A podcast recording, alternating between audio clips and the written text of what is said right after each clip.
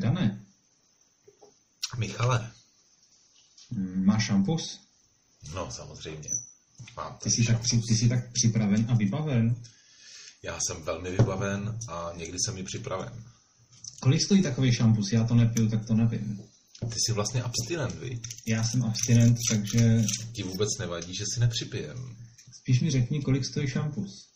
130 asi. No, no to, je hez, to je hezký číslo. Hele, Ale my máme lepší číslo, Michale. My máme lepší číslo. lepší číslo. My Dokonce máme, my dva jsme taky takový čísla, že? ano. A my hlavně dneska máme kulatý číslo. Myslím, že my Ale dva nejsme... tom, že máme kulatý číslo, bych se bavil, Dane, až po znělce. Co myslíš? No počkej, a kdy to mám otevřít? No, po znělce. Nebo před znělkou. Chceš to otevřít před znělkou a potom budeme teda oslavně po znělce Pobíjet. Oslavně? Asi jo, tak já bych to ti tou Tak to ránou otevři. otevřel. Otevři to, ať to oslavíme. tak zatím vyplň čas. No já to vyplním tím, Počkej, že počkej, počkej. tahle oslava už probíhá po druhý, že jo? A dobře, ale to, to jsou už jako historky z natáčení. No je to taková bouda na, na posluchače. Počkej, na počkej, počkej, počkej, počkej. Vlastně není, není, není. Mlčím, ale já už vidím tě otvírat šampus po druhý. Tak tři, dva, jedna. Ono to No a- nevyletělo. Deset. Ale po druhý, Dane, po druhý to znělo daleko líp. Tak po druhý to- to zní vždycky líp. Mělo to lepší zvuk. No my spolu musíme, nebo musíme být jako k, k našim fanouškům upřímní a říct si, že už minulý týden jsme natočili To desátý až, díl. ale to až po znělce, Michale. To až po Ale to znělce. až po znělce.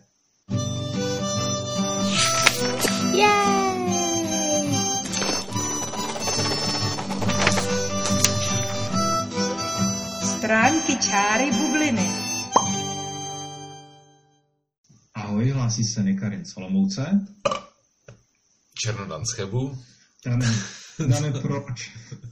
Jako, ale mohl aspoň, aspoň v tom jubileju jako si to prostě odpustit. Mí, mí eh, fanoušci potom touží a jsou rádi, když to nemusí hledat v té dvouhodinový, eh, v tom dvouhodinovém oceánu. Ale ty si prostě zůstal kňourem. Já jsem takovým vníkem a ty Ano, jsi ano, kňour. ty jsi takový, no to je správný. Já jsem takový buvár a ty jsi jako My jsme teď přes Nělkou se bavili o tom, že už jsme ten tvůj šampus vlastně otevřeli po druhý, že jsme teda před týdnem už točili desátý díl, ale asi se nám nelíbil, jsem pochopil. Eh, No, já jsem měl spoustu práce a vlastně v podstatě to, co jsme natočili, tak eh, to bylo, že koloruju tritonky, na který se velmi spěchalo a vlastně jsem se ani, až tak moc eh, stránkám, čárám a bublinám nevěnoval. Moc se nesoustředil, moc jsem se nesoustředil. A řekli jsme si, že jako přece jenom na to desátý jubilejní uh, výročí by to chtělo trošku lepší video. Michale, myslíš, že tohle video bude lepší, nebo budem otvírat šampusy po třetí? Já rozhodně žádný šampus po třetí otvírat nebudu, ale právě na základě toho jsem se tě chtěl zep- zeptat, a to už mi odpověděl, kolik stojí šampus, protože vlastně jsem zjistil, že ty, pokud si takhle každý týden koupíš šampus, že pokud bychom měli točit ten desátý díl několikrát, tak vlastně můžeš se tím i zrujnovat, že? Takže... Tak já, já ještě mám samozřejmě, jako každý fil, filmař, mám rezervní na balkóně, kdyby se náhodou scéna nepovedla, tak mám ještě jeden šampus. Ano, scéna nepovedla, rezervní šampus, to tak je prostě. Přesně tak, přesně tak. Takže jako eh, vždycky, když vidíte nějaký pořad, kde slaví výročí, není to úplně upřímný a to otvírání šampusu třeba jeli na po 50. nebo tak. Takže v našem případě, že to tady proběhlo dvakrát, je vlastně jako ještě, ještě jste na tom docela dobře. Jo, ještě, ještě- to s tou upřímností není od nás tak jako hrozný. Ještě jako rozpočet držíme na úzdě, jinak jako samozřejmě můžete nám přispět na rozpočet tady toho vysokorozpočtového hm, povídání. No a zároveň, když... My jsme totiž minule, co jste neslyšeli, ale... My Počkej, tak já připiju, asi- já připiju. Připij. Na zdraví. ale my z toho budeme částečně čerpat, protože minule jsme začínali tím, že je potřeba říct eh, jako rekapitulaci, což vlastně jsme zjistili, že jak jsi na to přišel, že pokud to říkáme na začátku, tak to nemůže být rekapitulace. Ano, to je kapitulace. A vlastně to není ani kapitulace, protože to už je úplně jiný jako termín. Takže jsme vlastně přišli na to, já to chci zopakovat, protože se mi to líbilo. Takže jsme došli k tomu, že je to prekapitulace. Prekapitulace. No, normálně se tomu říká obsah nebo tak něco, ale... Ano, a v rámci teda dnešní prekapitulace si povíme, o čem si dnes budeme povídat. Ano, povídej, o čem si budeme... A já doufám, že potom na závěr to schrneš, o čem jsme si povídali. Já to schrnu velmi, nějak, nějak velmi chytře to schrnu. Tak Dobře. jak si to zaslouží jedině desátý díl našeho skvělého podcastu. Mimochodem, eh, ty zprávě taky v tom úvodním znění eh, bez titulků eh, říkal, že ne každý podcast nebo ne každý pořád se dočká desátého dílu. No, a, já jsem to hlavně jako ani tady u toho nečekal. Eh, já, já pořád jsem vlastně z toho tak u vytržení, že, že se nám daří to jako udržovat.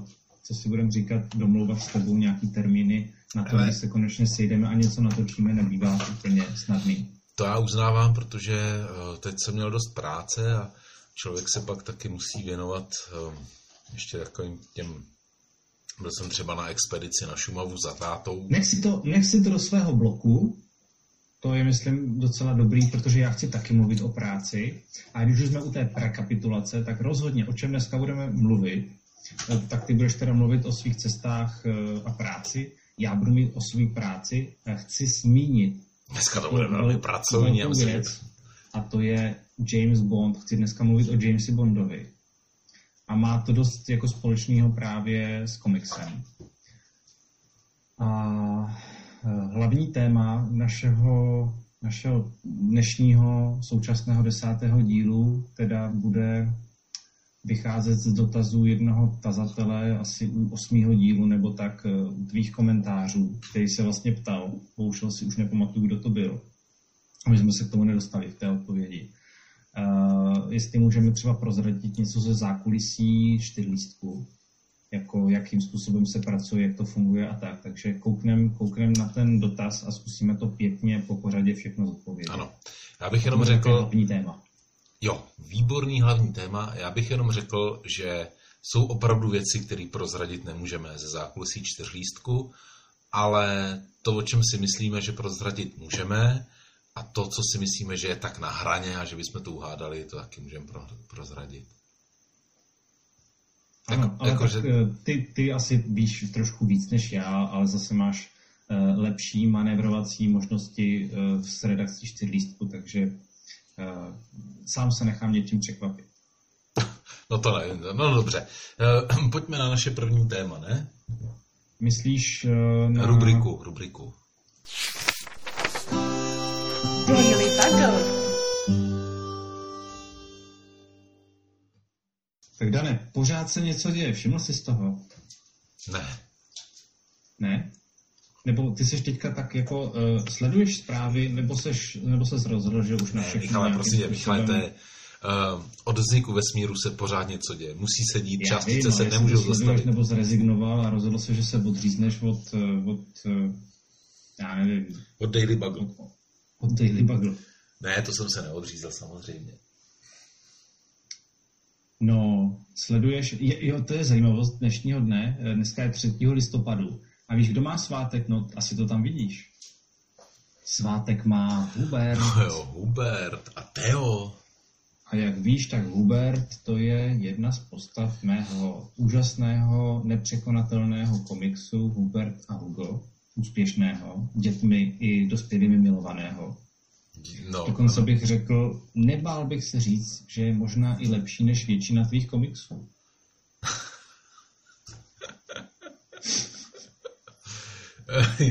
jako... Ukrylo. Tebe to normálně, tebe to pobavilo.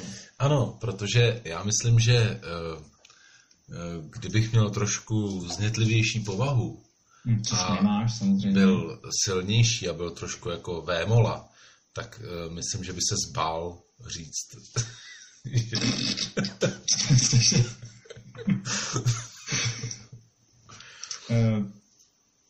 To je velmi zajímavá myšlenková stavba. No hele, Jak- z, Ještě, prosím ještě tě, musíš říct, že kdybys třeba nebyl v Chebu, ale bydlel bys v Olomouci a měl zbrojní průkaz a neměl třeba rád eh, prosím tě, Michale, ko- koloběžkáře. eh, pojďme se z toho nějak vyhrabat. Jo, trošku jsme se zamotali, ale mně se líbilo tady ta tvoje jako anabáze s VMolou, ale nemám k tomu úplně co říct. Já tady tyhle ty věci moc nesleduju, takže Eh, Prosím tě, pojď, pojď do nás. pojďme si teda říct vlastně, co sleduju. Tak Dané, Michale, dneska píšou, dneska píšou eh, na novinkách, ty neřádi. Oni píšou, že do, do babyboxu někdo odložil holčičku a pupečník měla podvázaný gumičkou do vlasu, což je teda docela brutál. Ale já jsem si právě na základě toho vzpomněl, že před pár dny jsem četl právě z, na stejných novinkách zprávu o tom, že v Polsku, a myslím si, že ve Vroclavi, abych úplně nekecal, našli nějaký jako jeptišky, nebo řádový sestry, nebo, nebo tak, našli právě v babyboxu 20-letého muže, který byl úplně na mol. Já si myslím, že být úplně na mol, což neznám, ale jako vsoukat se do babyboxu, jako, tak to byl asi kočičí muž. Nebo, nevím, nebo hadí nevím. muž. Každopádně myslím si, že Polsko je taková zajímavá země, která, která postupně se vrací zpátky do středověku. To docela dost. No. Že jo, nejdřív tam zakázali ty potraty, teďka, teďka vlastně uh, jsem pochopil, že polský parlament uh, odsouhlasil nějakou, nějaký zákon, že vlastně mm, je zakázaný uh, dělat jakýkoliv akce na podporu LGBT komunity. Jo, jo, taky. No, už jsou jak v Takže- Maďarsku na tom. Já si myslím, že Polsko je dlouhodobě teda samozřejmě, je to komiksová velmoc, jsou to naši nejbližší komiksoví velmocové sousedové, ale zároveň Hele, teda, Čet si uh, ten komiks Šinkl a jeho velká síla, nebo jak se to jmenuje? Teď to nějak jako znova vyšlo v uh, nějakém kolorovaném vydání. Dané nečetl. Já, ale když, o tom, když mluvíš o té velké síle, tak jsem si vzpomněl na to, že když jsem byl teďka v kavárně jednou, tak eh, Čekaj, teď jsem chtěl něco říct. Já, ale já, si- já to musím říct, protože to je poměrně jako vtipný. Nebo aspoň mně to tak přijde. no, tak, takhle se dostaneme úplně někam. No, pojď. přemýšlím, nebo to bylo na tom, ne, to bylo na tom Comic-Conu vlastně. A Řík, a nebo jsem o tom mluvil, teď jsem úplně zmatený. Já jsem mluvil o tom, o tom eh, jak se Tomáš Motal ptal nějakého toho klučinu, co, co čte za komiksy. No, A jestli čte Marvel nebo DC, nebo co vlastně čte. Říkal jsem to. nevím, povídej. No a ten klučina mu odpověděl, že má rád jako takový ty, takový ty nacistický komiksy. Říkal jsem to nebo ne? Ježíš, mluv a neptej Já se si to furt. totiž nepamatuju, nechci, Teď to to říkal je jedno, tak no. to řekneš ještě jednou. To bylo prostě Tohle je jako horší, hrozně, je hrozně vtipný, protože Tomáš Motal tam prostě prodával ty svoje, ty svoje traumy, že jo, což je takový dost specifický komiks. A samozřejmě si nemyslím, že by to bylo úplně jako jak pro děti. A byl tam nějaký mladík a, a Tomáš Motal mu právě říkal, a tak co, nechceš něco ostřejšího, nebo on se tak jako na to moc netvářil. A říkal, ty asi čteš nějaký spíš ty Marvely, ne, nebo DCčko, co? A kluk říkal, ne, já mám rád takový ty nacistický komiksy. jsem se hrozně smál, protože on těma nacistickýma komiksama myslel pravděpodobně něco jako péráka nebo něco v tom smyslu. Ale mě to samozřejmě začalo v hlavě okamžitě šrotovat. A říkal jsem si, že nacistický komiksy, tak jak je třeba úžasný Spider-Man, nebo nepřemožitelný Hulk, takže by byl právě dobrý nacistický komiks eh, nadřazený bílý silák. Jo, no. Víš? Jako ono, no vidíš, a teď jsem úplně odhozený na jinou, na A jinou... já právě si nejsem jistý, jestli už jsem to tady říkal, já si naopakuju nějaký jako vtip. Ne, myslím, že jsi to ještě neříkal. Tak Ale, ale, eh, mně přišlo, že by byly docela legrační, legrační příběhy nadřazeného bílého Dobře. Eh, to, ano, a eh, taky samozřejmě eh, SS hlídače eh, tábora, co má za pasem bílý tesák. Ale pojďme se prosím tě vrátit zpátky k tomu Já Polsku. jsem mistr odboček a oslých můstků. Ale No právě, jako se to- to vrátit. udrží tě na úzdě. Tak Šinkl a jeho velká síla, to vyšlo před... No to byla ta síla, to bylo to, co mě teďka jako vytanulo na Já jsem tomu Ne. pochopil. Uh, tak, um, no, Šinkla a jeho velká síla byl jeden z prvních velkých jako komiksových knížek, která u nás vyšla a já jsem si ji rád opatřil, i když byla tenkrát drahá a byla právě z Polska a kresl to uh, Rošinský, nebo Van Ham píše, mm-hmm. že jo, a Rošinský kreslil Torgala. No a okreslil to právě jako Rošinský, nakreslení to bylo nádherně, ale úplně mě zklamalo, že vlastně na konci, pozor spoiler, se zjistilo, že ten Šinkl vlastně, že je to vlastně jako opis příběhu Ježíše Krista, jo, což prostě mm, spát do všeho tyhle, tyhle je trošku jako... Jo, už jsem si teďka vygooglil tu obálku a vím, že jsem to někdy jako určitě někde viděl a že je to něco, co mě od pohledu už od té obálky jako odrazovalo. Jakože mě to vlastně nezajímá. Jako ono to dobrodružství bylo fajn až do té doby, než jsem zjistil vlastně, co to se mnou ten autor hraje za hru Mhm. a že vlastně se mi to nelíbí, protože je to vlastně taková... Ale tady ty náboženské motivy, to je třeba jako uh, i známý v tom, v té sérii, uh, jak se to jmenuje, o těch dětech, No, on jich bude všude, spousta. no jak cestují přes tu skříň do té země. Jo, letopisy Narnie. Letopisy Narnie, přesně No. tak. Což se mi zase líbí na Tolkienovi, že i když byl věřící, tak prostě uh, z Pána prstenů to vůbec nepoznáš. A že to tam prostě netrčí jak uh, péro z prostě radla. A tam je poměrně ještě u letopisu Narnie zajímavý to, že já to teda nečet, ale klidně vyspojiluju, že e, vlastně tam se člověk nebo čtenář na konci nějak dozví, že všechny ty děti jsou vlastně dávno mrtví a že se jim to nějak jako zdá, nebo něco v tom smyslu. Mazeček, mazeček. No nic, takže to byl, to byl tvůj příspěvek do Daily To byl takový exkurs do Polska. Eh, eh, to byl takový eh, exkurs do Polska pěkný. Eh, Já jsem si, Michale, našel zprávu, že v Nizozemsku, Ještě mi řekni, kdyby v Polsku vycházela zlatá klasika, byla by to zlatá klasika? ale ona vychází zlatá klasika v A Polsku, je to zlatá klasika? ty jo, vůbec nevím. No, tak jejich platidlo je zlotý, že jo? Ale nevím, jestli, no jo, asi to tak nevnímají. Čekej. Zlatá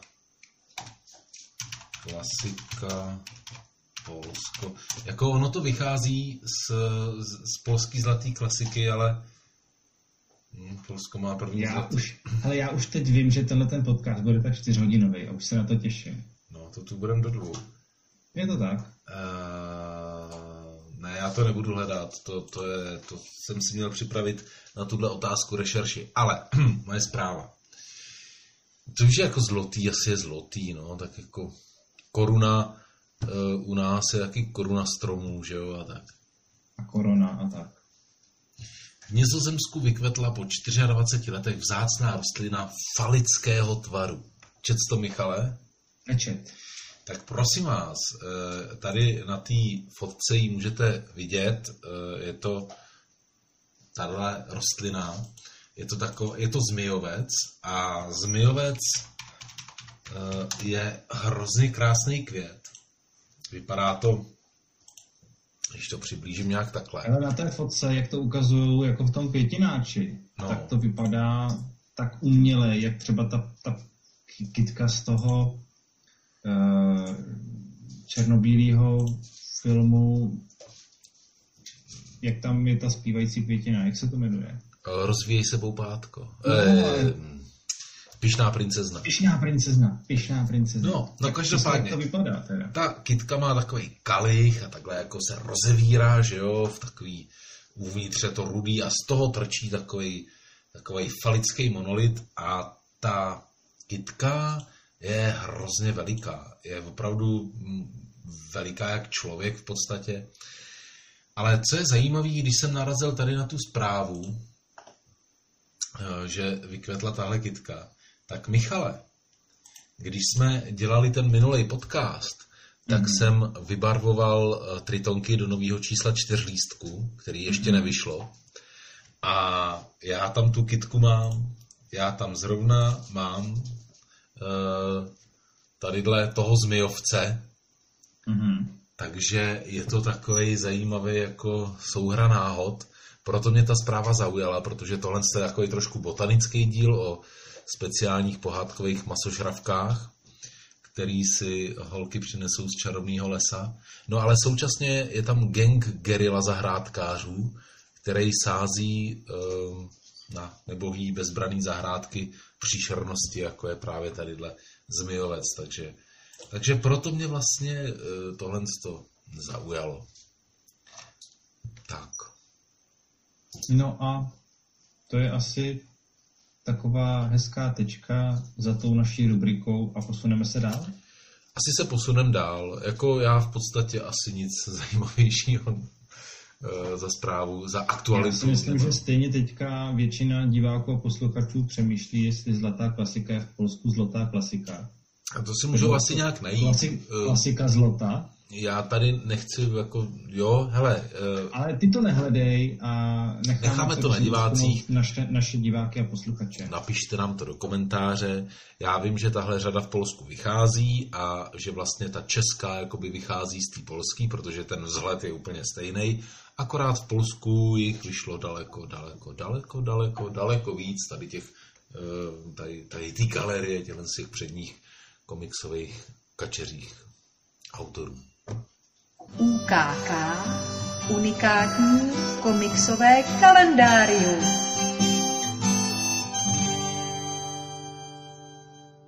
Dané, Michale, je, je listopad. to je krásné.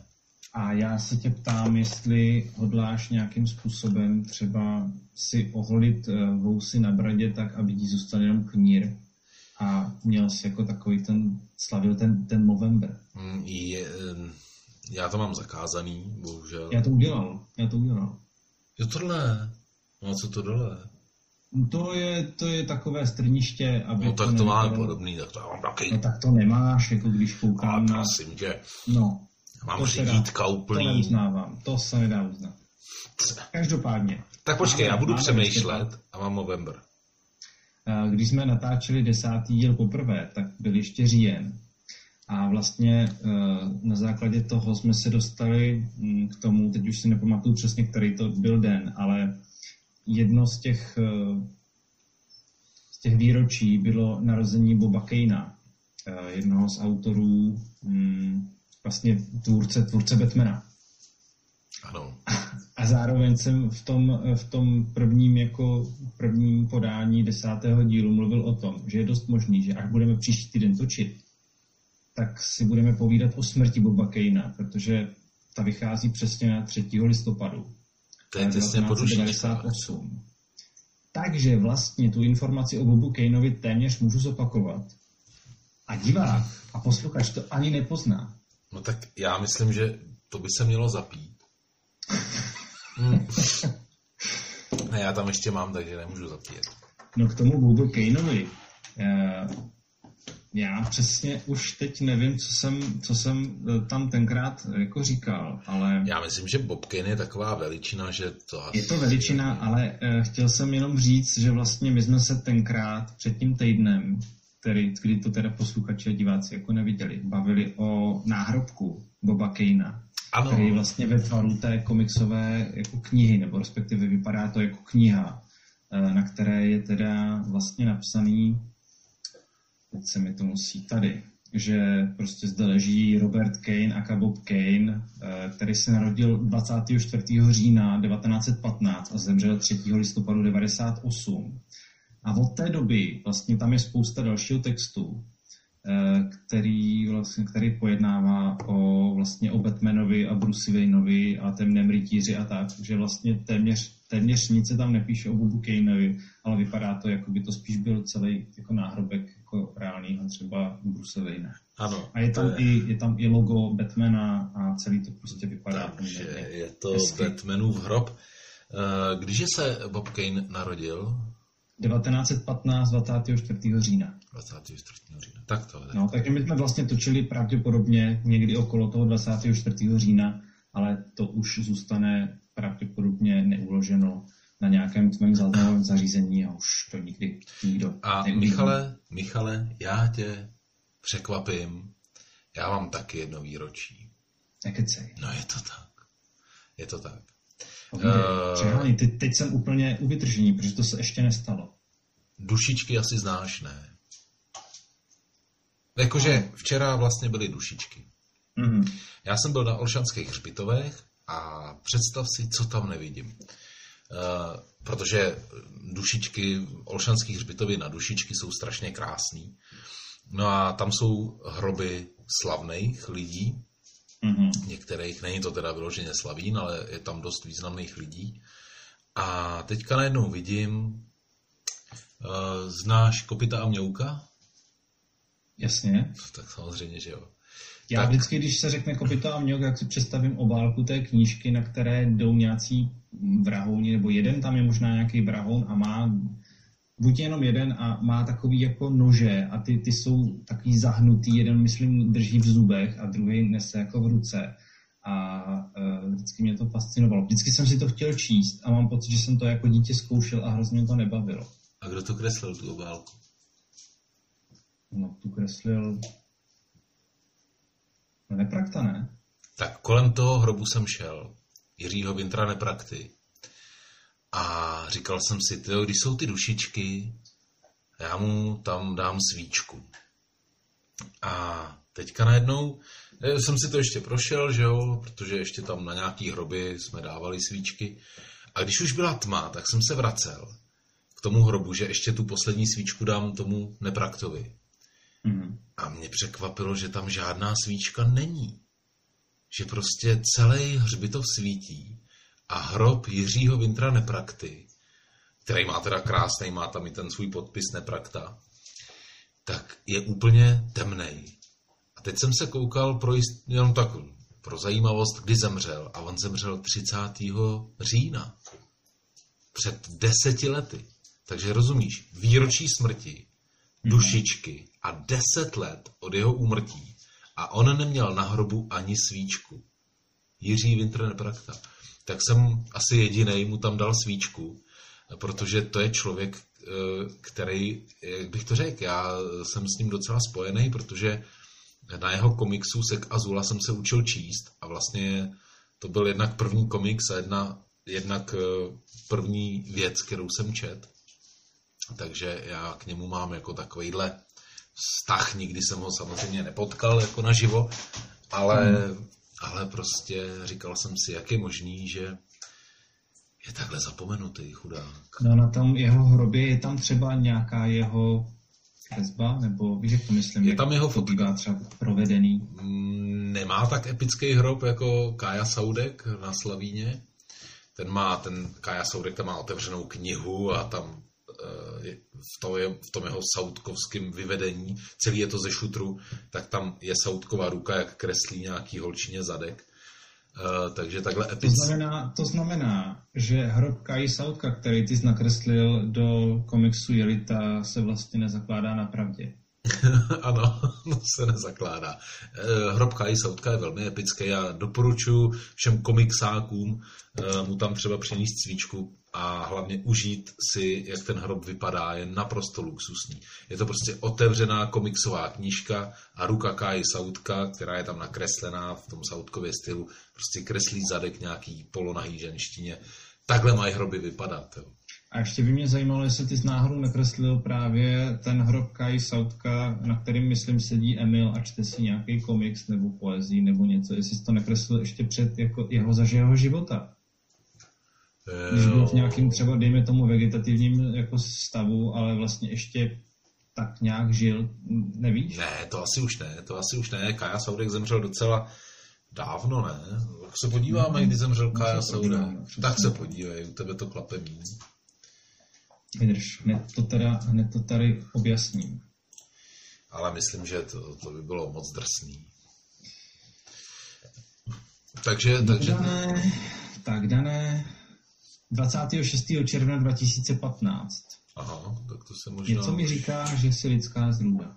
Že jsi pohřbil Káu Sautka jako ještě za jeho života.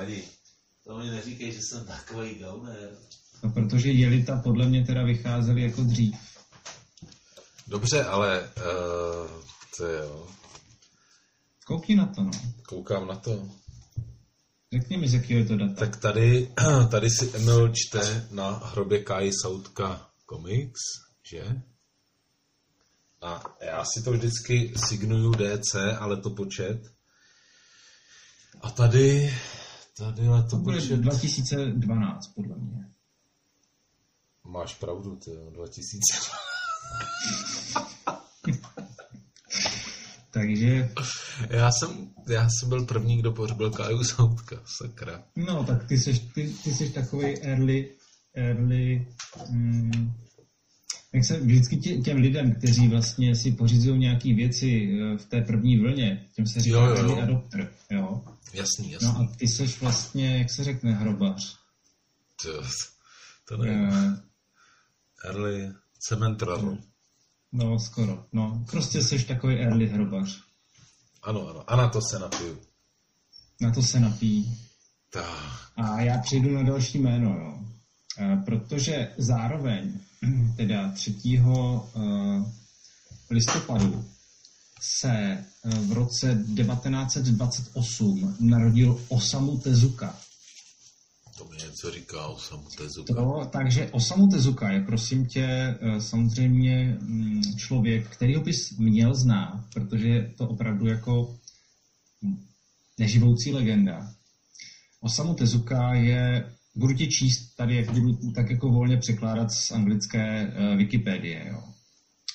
Uh, byl to takovej, hm, vlastně tady píšou, že byl označován titul jako otec mangy, Jo, Tohoto ten mangy, dělal na tom boje, ne? Byl to, byl to člověk, který vlastně, dejme tomu, byl takovým jako pionýrem a hm, člověkem, který eh, vlastně zpropagoval a udělal tu mangu takovou, jak, jakou ji dneska známe.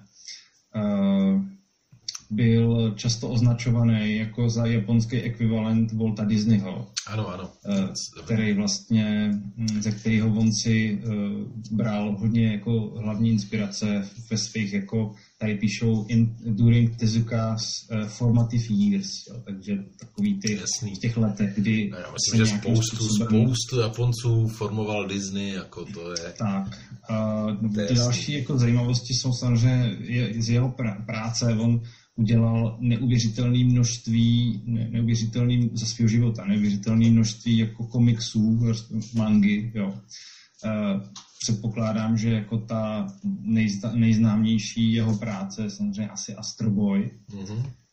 A e, jestli jsem to tady někde správně našel, tak by měl být asi autorem, si to tady schválně najdu, ano, takže jako dokončil přes 700 vlastně nějakých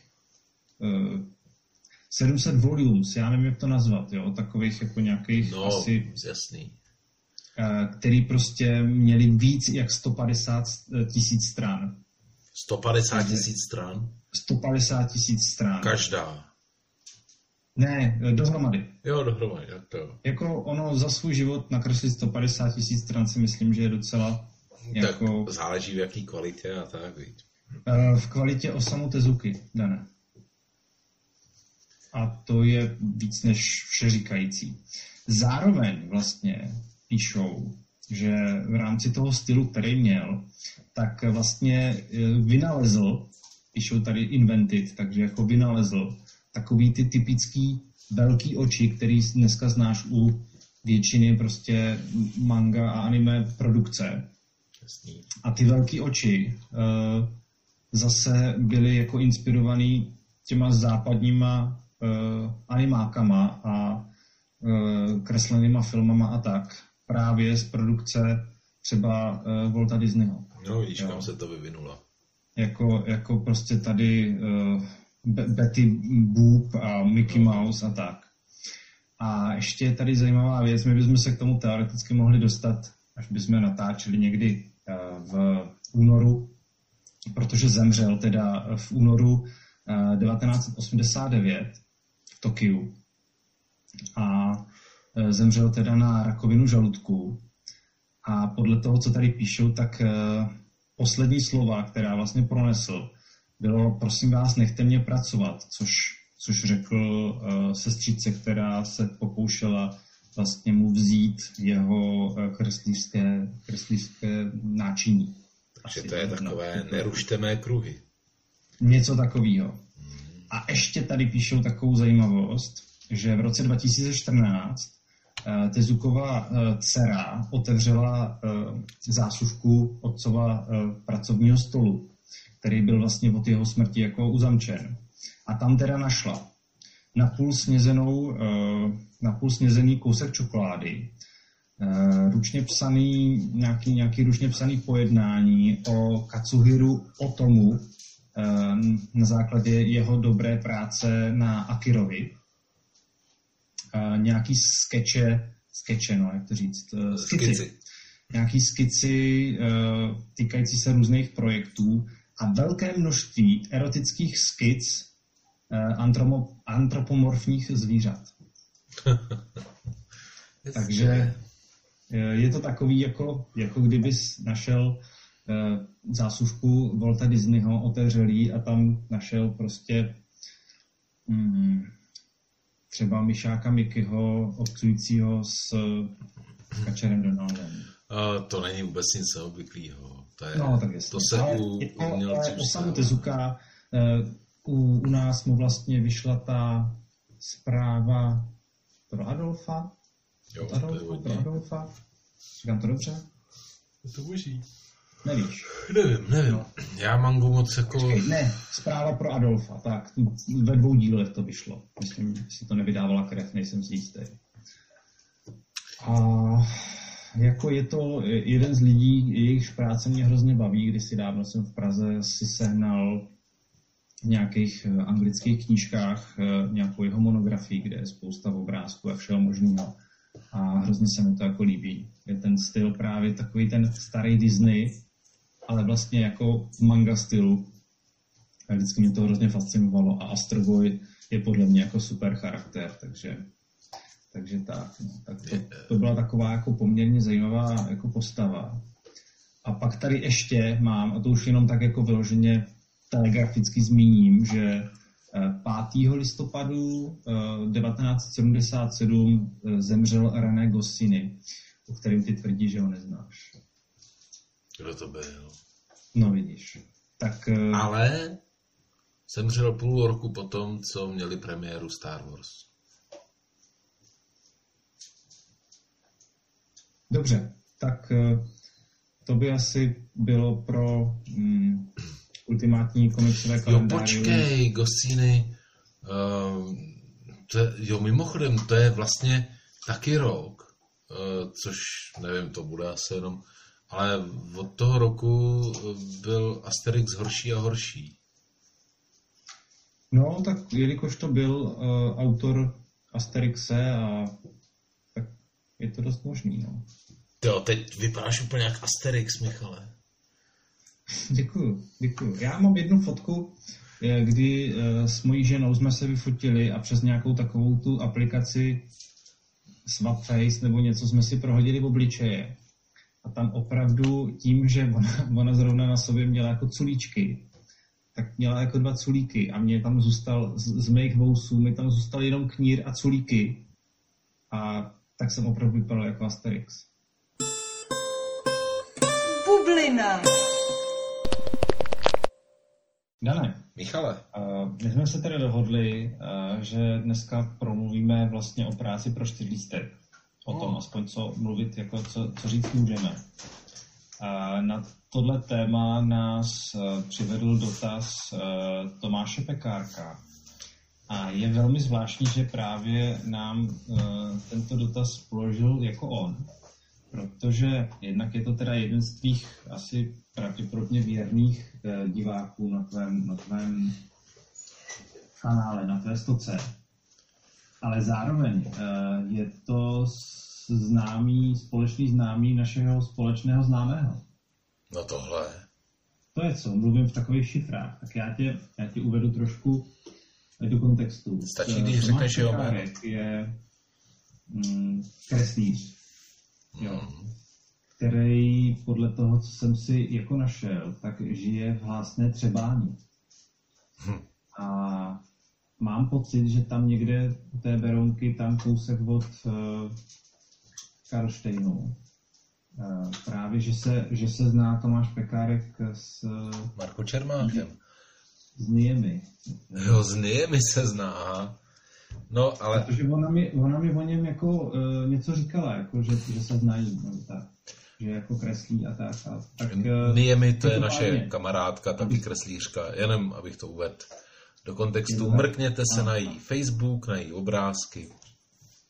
Takže vlastně uh, kreslíř Tom Pekárek, známý kreslířky Niemi, se nás, kreslířů, ptá, uh, jestli můžeme prostě divákům a posluchačům přiblížit práci pro čtyřlístek, jo? Tak asi můžeme. To takový dlouhý úvod a teď se do toho teda pustíme, jo? Um, já to budu tak nějak jako číst tady, a ty si to asi nechceš nějakým způsobem uh, takže uh, já ti tady budu číst na co on se nás ptá, jo? Uh, takže můžete divákům a posluchačům přiblížit práci pro čtyřlístek, pokud to nejsou věci, o kterých máte třeba smluvně zakázáno mluvit co je třeba proti jiným specifickým, jiným specifickým, jak probíhají kolečka příprav, námět, schválení, scénář, schválení, skica a tak dále. Tak Dané, jak to probíhá? Tak Michale, eh, pro kolik časopisů takhle nějak si pracoval? No, tak jako myslíš eh, na úrovni čtyřlístku? Na úrovni čtyřlístku, prostě, že to vychází. No, no, na úrovni čtyřlístku žádný takový časopis jako neexistuje. Já jsem zrovna dneska... Uh, já jsem myslel, promiň, promiň, ale já jsem myslel jako časopis, který pravidelně vychází a ty tam pravidelně musíš udělat nějakou věc, jo? Uh, dělám pro takový časopisy, no. Mainstreamovější. Nevím, kolik jich samozřejmě je, ale čas od času, že jo, kreslil jsem Eh, pro raketu a eh, čas od času dělám prostě nějaký strip do, do nějakého časopisu. A je něco, eh, co tu práci pro ty časopisy tak nějak jako spojuje? Co bys jako řekl, že je pro ty všechny časopisy takový ta práce jako, jako nějaká nit, která vlastně se táhne? Řekl, že co mě jako tak, nevím samozřejmě, kterým směrem teďka Já nikam, míříš, ne, jenom se ptám. Ale, ale určitě jako jedno pojítko je to, že musím ty věci odevzdávat do nějakého termínu. No, to jo, no. Ale jako když tak nějak se domýšlíš, jak vlastně ty časopisy fungují, to, ne, nevím, pořád nevím, nevím, kolem čeho... No, jak bys řekl, jak, jak jako funguje redakce časopisu? Jako je, jestli to tam je všechno spořádaný, všechno... Ale funguje to, no, nevím, tak jako... Jak výroba párků Takže mi dají nějaký zadání, třeba tematicky, daj mi, daj mi uh, ten termín, dokdy to má být, no a pak to nechaj na mě. Ale to jsi nechtěl slyšet, že? Ty jsi chtěl, abych ti řekl něco jiného. Ne, já jsem chtěl právě jako vhled do těch redakcí. Víš, jako co si myslíš, no, jak, fungují, jak funguje výroba časopisů. Když jsem kreslil pro raketu, tak mi akorát řekli, do tady tohohle data potřebujeme Ale tohle, ten komik. Dobře, dobře. Ale třeba já si představuju nějak, já nevím, letový provoz, jo nějak si představuju výrobu párků a nějak si představuju fungování redakce. Akorát, že fungování časopisecké redakce, teď už jako vím, jak zhruba asi to tam chodí. Tak jestli třeba no, máš pokud nějaký... To víš, jako... ne, pokud to víš, tak, nám, tak nás o tom nějaký ne, spíš jako, zpráv. jako, jaký mám o tom pocit, jaký máš pocit ty z fungování časopisu. Je to jako kdybych se tě ptal, jaký máš pocit z fungování jatek, nebo něco takového. Uh, ne, nemám asi žádný pocit z fungování časopisu. A nevím, jestli je to jako dobrá odpověď, ale nemám žádný, žádný pocit. Nikdy se nad tím nepřemýšlel, jak to tam ne. asi chodí. Vůbec. Co děláš je důležité, abych stihl to, co mám stihnout, abych jim to odevzdal. A pokud, eh, pokud mi ne, nenaš, nenapíšou něco jako tohle nepůjde, nebo naopak, když mě náhodou v nějakém časopise dokonce pochválí, tak mám radost, tak mi, tím, to jako... No, to se stává málo Když mi pošlou peníze, tak mám taky radost. Teda, teda, kromě časopisu Pevnost, tam mě Martin Fajku schválí furt. Uh, no, já nevím, já uh, takhle pracoval jsem pro několik časopisů a vždycky jsem z toho měl takový pocit, vlastně, že jako ta redakce v čele se šéf-redaktorem těsně před deadlinem, chvíli před vlastně tím, než jde časopis do tisku, tak vlastně svádí takovou obrovskou bitvu na mnoha frontách. Jo? To nejsou jenom autoři, kteří prostě uh, jsou napínaví do poslední chvíle, ale někteří obzvlášť? No, někteří třeba vypadnou, jo? já nevím, za kolik autorů si třeba zaskakoval, já už jsem za několik zaskakoval. Já zaskakoval jednou a to za tebe. V pevnosti. Časopisu pevnost. Jo, ale já třeba ve čtyřlístku zaskakoval už asi třikrát. Jako vyloženě, vím, že tenkrát nebo Štík Andries uh, mi psal, a to jsem tam zrovna čerstvě nastoupil, a oh, Dané, potřebujeme prostě, vypad nám autor, potřebujeme čtyři stránky, jo, za tři dny, nebo já nevím, nějak jako v šíleném termínu. A to ještě, prostě, pak zase jako tiskárny, že jo, některý krachujou, teď hledat novou tiskárnu je problém. Mě překvapilo, když eh, časopis Čtyřlístek eh, vlastně tisknul v Mostecký tiskárně, kde se tiskla i moje první knížka, pohádky Českého středohoří, tak jsme tam šli s panem nakladatelem, s panem Polákem, eh, šli jsme se podívat na ten chod, to, bylo úžasný, jako doporučuji vám podívat se na, nebo jít se podívat na exkurzi do tiskárny. No a tam jako v kanceláři ředitele, ten tam měl ty čtyřlístky vysázený a říkal, no my tady tiskneme i jako knížky pro čtyřlístek. No a já jsem se pak od čtyřlístku dozvěděl, že vlastně tahle tiskárna v Mostě zkrachovala, že je vždycky, když zkrachuje takováhle tiskárna, tak je hrozně problematický najít nějakou novou tiskárnu. V jednom čmárníku jsem o tom mluvil, jak vlastně na poslední chvíli našli nějakou tiskárnu, která jim to ještě vytiskla. Rozumíš, ty se na to podíval a viděl si ten tisk, že, uh, že tam není ten klasický rastr, že to je prostě problém. Já prostě vidím redaktory, teda hlavně šéf redaktora takového časopisu, jako toho generála v tom bitevním poli, hlavně před deadlinem, který ten obrovský chaos se snaží dát nějak dohromady.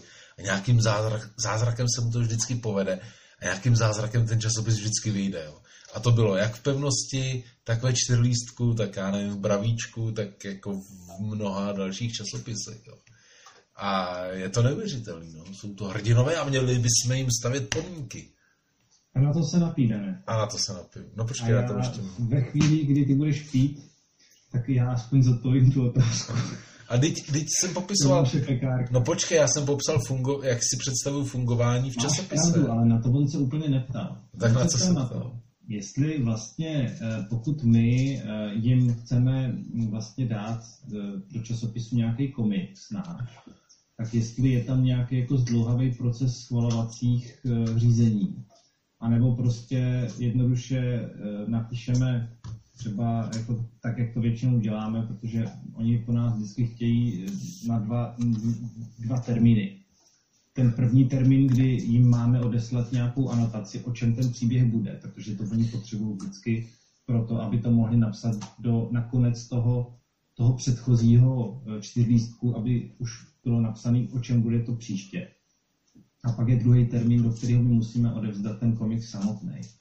Ale během toho vlastně nejsou žádný další jako kontrolní procesy, schvalovací řízení a cokoliv. Vlastně máme v tom velmi volnou ruku a je to jenom na nás, že jo?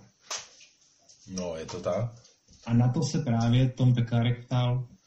Uh, takhle. uh,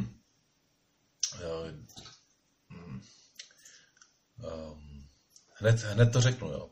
Jo, jo, přemýšlej, přemýšlej. Uh, je to, naštěstí můžu srovnávat.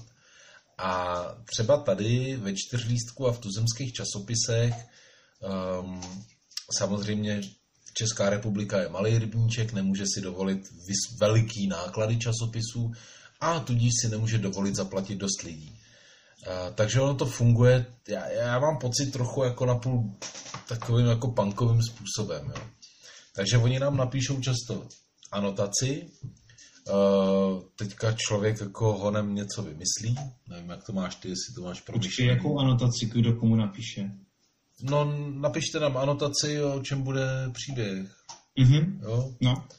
uh, tak uh, prostě, já nevím, Radim mi napíše, Uh, ahoj, hele, jo, dobrý, potřeboval bych tady kňoura a mníka, jo, a do dalšího mi napiš anotaci, jo, protože často třeba, já mám kňoura a mníka v jednom čísle, ale už musím napsat i anotaci na tritonky do dalšího, takže společně s kňourem a mníkem posílám e-mailem uh, lákadlo uh, na příští tritonky. Jo? No to se děje těm, těm autorům, kteří mají ve čtyřlístku třeba tři, celý tři série, že jo, takže... Hmm, to se občas děje, no.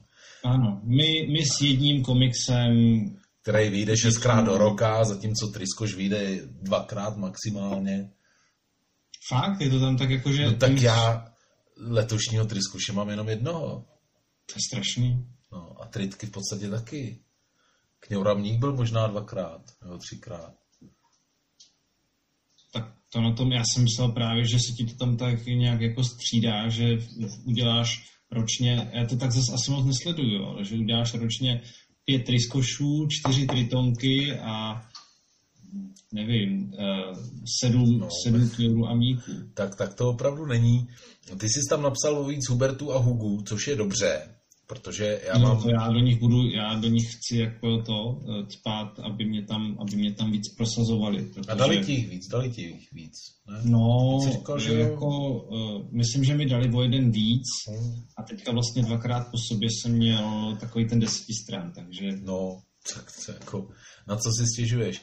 A já mám aspoň víc eh, času na kačery, protože tady v té redakci Tady v té redakci je to už úplně něco naprosto jiného. Jo? E, to jako když to porovnám, tak tam opravdu ten schvalovací proces a než vlastně se člověk dostane k tomu finálnímu komiksu, jde přes mnoho lidí.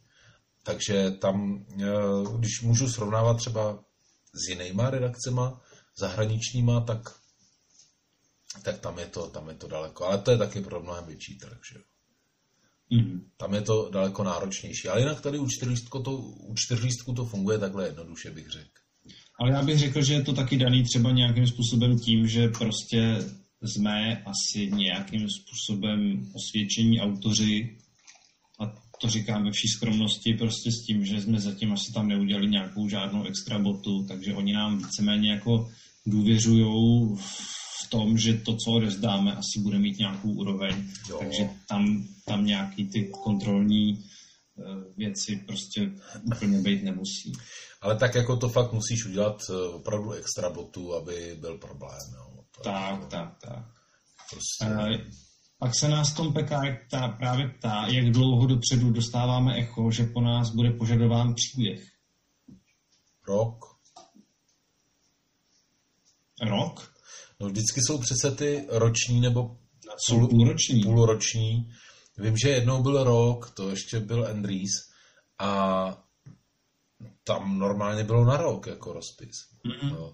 Jenom, že tak kdo... každopádně funguje to tak, že jed, jako dvakrát, dvakrát ročně, vždycky, nejme tomu jedno pololetí, druhý pololetí, nám přijde vlastně e-mail, eh, ve kterým máme rozepsané termíny na jednotlivé epizody eh, pěkně pod sebou, přičemž tam je vždycky napsaný, do tohohle data chceme anotaci, do tohohle data chceme komiks. A ono je dobrý, že s tím tak jako můžeš dopředu počítat fakt celý ten půl rok a je to hrozně příjemný.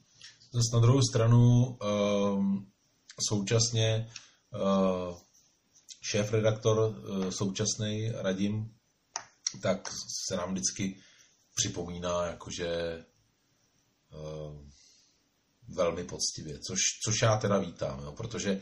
Já to většinou nepotřebuju. Já, já jako, to... Když vidím, že se blíží to datum, tak, eh, tak odesílám všechno. Někdo píše, ne? Já. Zavčas. Cože? Či někdo píše? Jsou...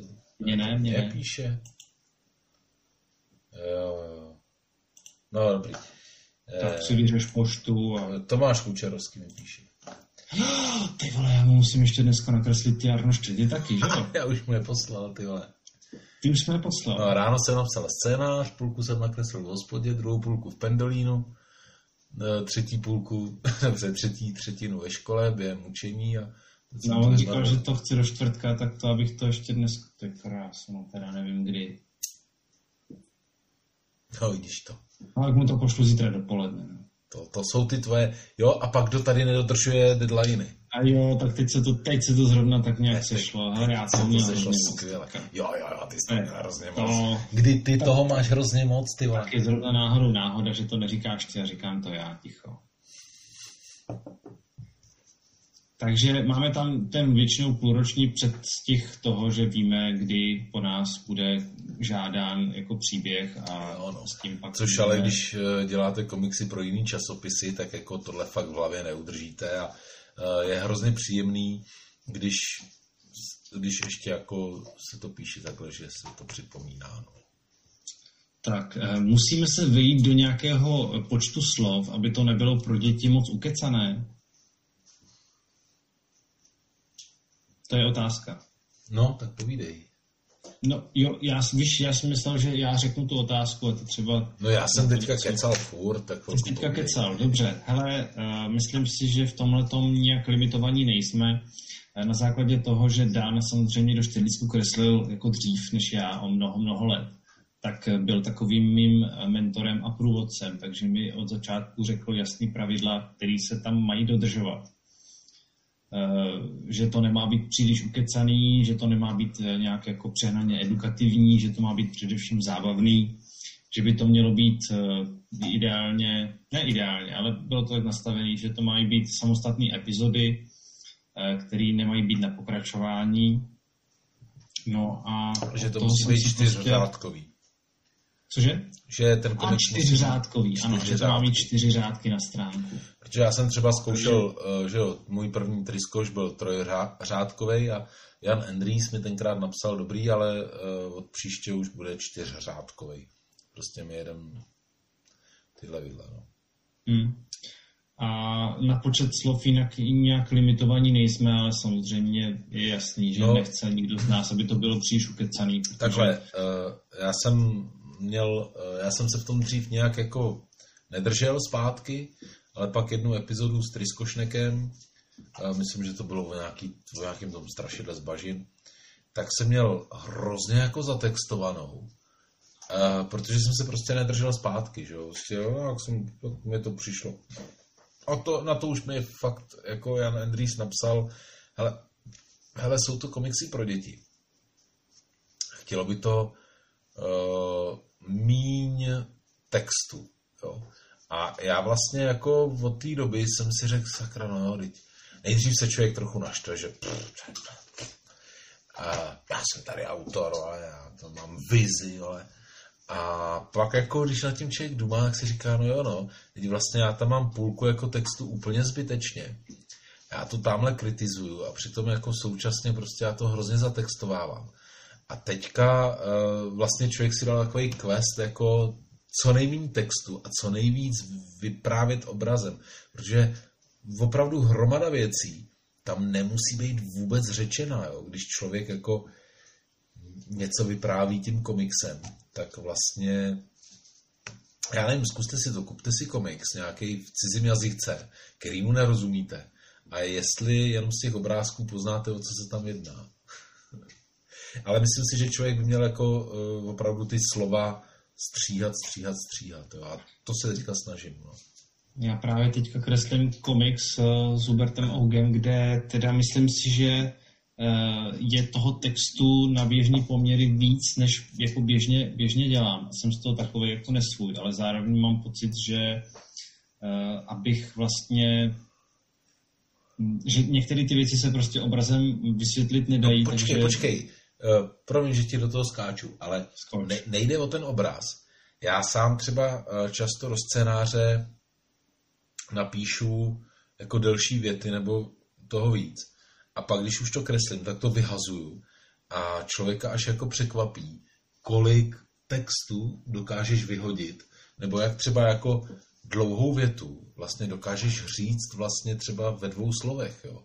Mm-hmm. Jakože ten, je to proces, že jo, a to pořád jako člověk upravuje, upravuje, upravuje, až to jde do tisku. Jak to, je, jak to jde do tisku, už se s tím nedá nic dělat, jo. ale do té doby je to proces. A vlastně, když píšeš scénář, tak eh, pak se rozleží, že jo, a ty pak vlastně tě napadnou úplně jako nové věci, že klidně vlastně tahle bublina je zbytečná, tahle věta je zbytečná, tahle věta se dá říct opravdu jenom něčím a tak dále, jo. Nebo, nebo nakonec jako řekneš si, ty jo, teď vlastně tu bublinu můžu úplně vypustit a dát tam jenom gesto, jo. Ale to je zase to, to, to. No, ale právě teďka momentálně jako kreslím příběh, kde to hodně řeším a snažím se sice ten text tam prostě nějaký být musí, ale musím to nějak jako zkracovat, aby, aby to fakt nebylo příliš zahlcený a aby, aby tam vůbec byl nějaký, že jak jsou takový ty, když uh, vyšly rychlý šípy záhada hlavolamu, tak uh, Marko Čermáka, tak to, to je skvělý příklad toho, jak to asi vypadat nemá. Kde vlastně většinou v rohu, v rohu nějakého panelu je nějaká hlava a ta hlava říká neuvěřitelně jako dlouhý textový pasáže. Takže uh, tomu se opravdu je potřeba vyvarovat. Jo, tady dávám ukázky. Dál. Jak, jak tenhle komiks je příšerně zatextovaný, jo, záhada hlavolamu. Uh, a to je prostě důležitý, proč, když adaptujete knížku do komiksu, proč je dobrý udělat adaptaci, to znamená scénář, prostě nekreslit podle knížky, ale udělat vyloženě scénář pro komiks. No, to nic, to je jenom taková odbočka. Uh, pak je tady ještě dotaz, jestli má pan Němeček právo veta. Uh, no. Řek, zase mám říkat já, jo? Já jsem teďka povídal... Jak, ale já jsem taky povídal. Vy jste uh, já, já jsem... Zákon je ten, že samozřejmě pokud se uh, Tom ptá jako na pana uh, Jaroslava Němečka, tak ten, ten do toho pravděpodobně asi příliš uh, ne, nemluví, protože vlastně tam se o veškerou tu, tu komunikaci s náma stará právě pan šéf-redaktor a jako No, hele. Nějaký právo veta tam jako mají, že jo? Takhle, vlastně... co si budem, co si budem vykládat, uh, pan Jaroslav Němeček je rentier, ten si mm, pokud možno jako užívá eh, v, doxa, eh, v doxech a tak dále a jako rád kreslí ten čtyřlístek, kreslí ho pořád uh, tak nějak s radostí. Uh, nicméně Jaroslav Němeček uh, není v současnosti šéf čtyřlístku, tam hlavním šéfem je jeho syn Vít Němeček a ten rozhodně právo veta jako má. Jo. Což nevím, jak moc si někdy pocítil ty.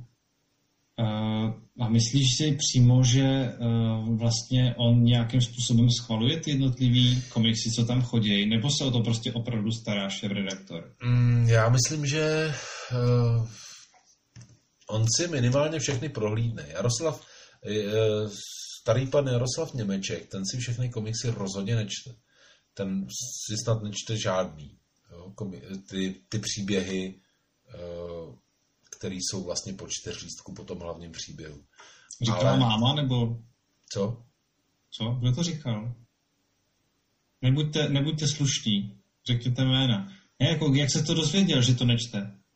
No, teď jsi mi to říkal... Toho teda, že to je vysoce pravděpodobný, protože... Teď jsi mi to říkal i ty jak ho potkal na schodech a říkal si, dobrý den, já kreslím Huberta a Huga. A Jo, pan, pan Nemeček vůbec jasně, nevěděl. No to máš pravdu, tak to máš, to máš z mého zdroje, to jsem to já vlastně jo, hlavní zdroj. Ty, ty seš můj zdroj. Ty no. krása, no. Tak jo, no je to pravda, že vlastně já jsem se s ním hrozně toužil jako setkat. E, nějak jsem tam jednou přišel do redakce s tím, že jsem si nesl e, ten eh, poklad kapitána Kida, aby mi ho tam podepsal.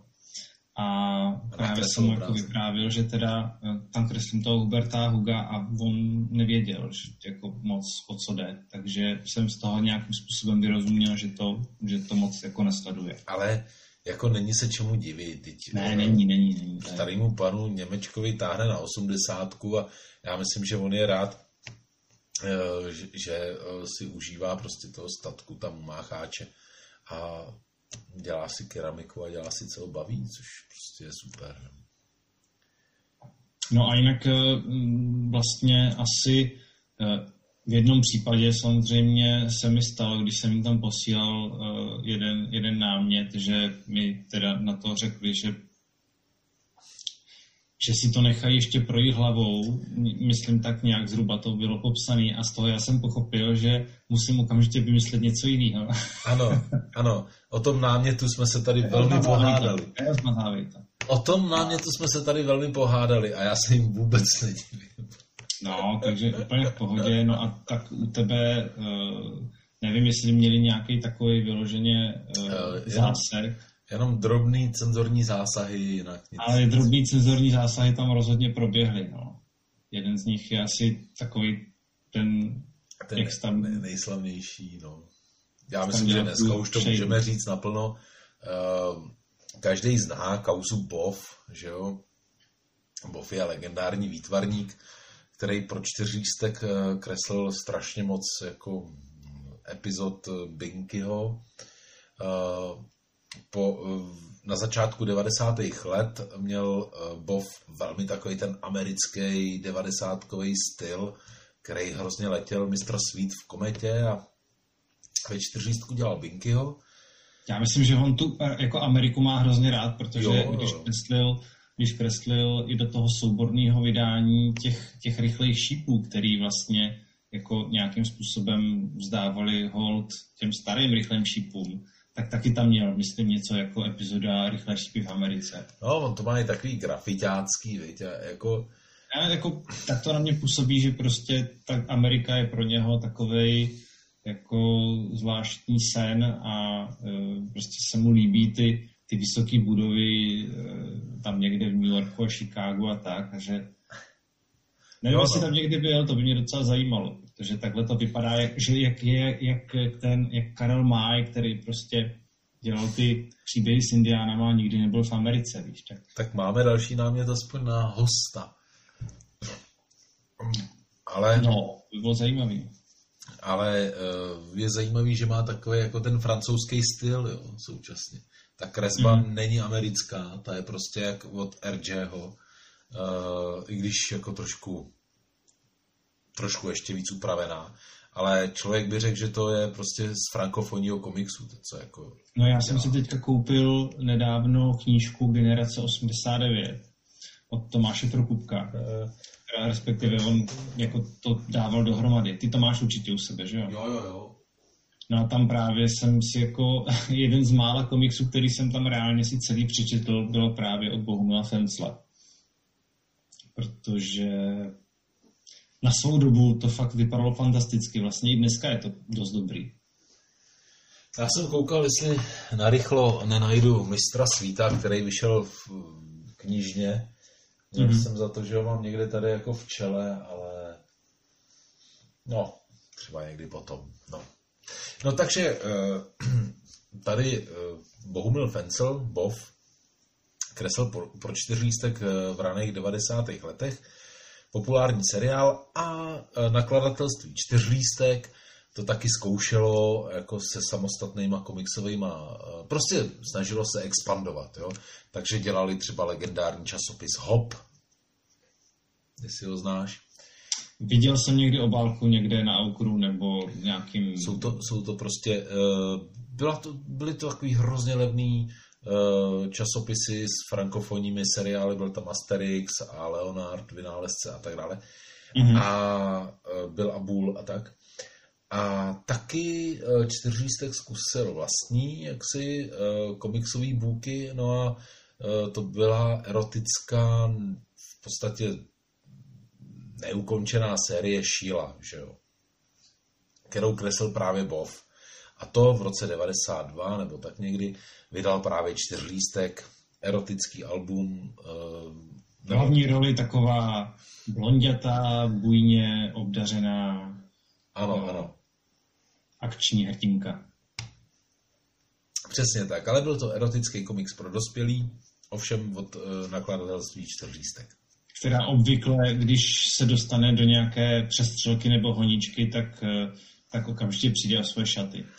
ano, ano. Jako Dneska, dneska na Aukru je to opravdu artikl, který stojí Myland. Asi teda, dovedu si to tak představit, protože je to v podstatě k nesehnání.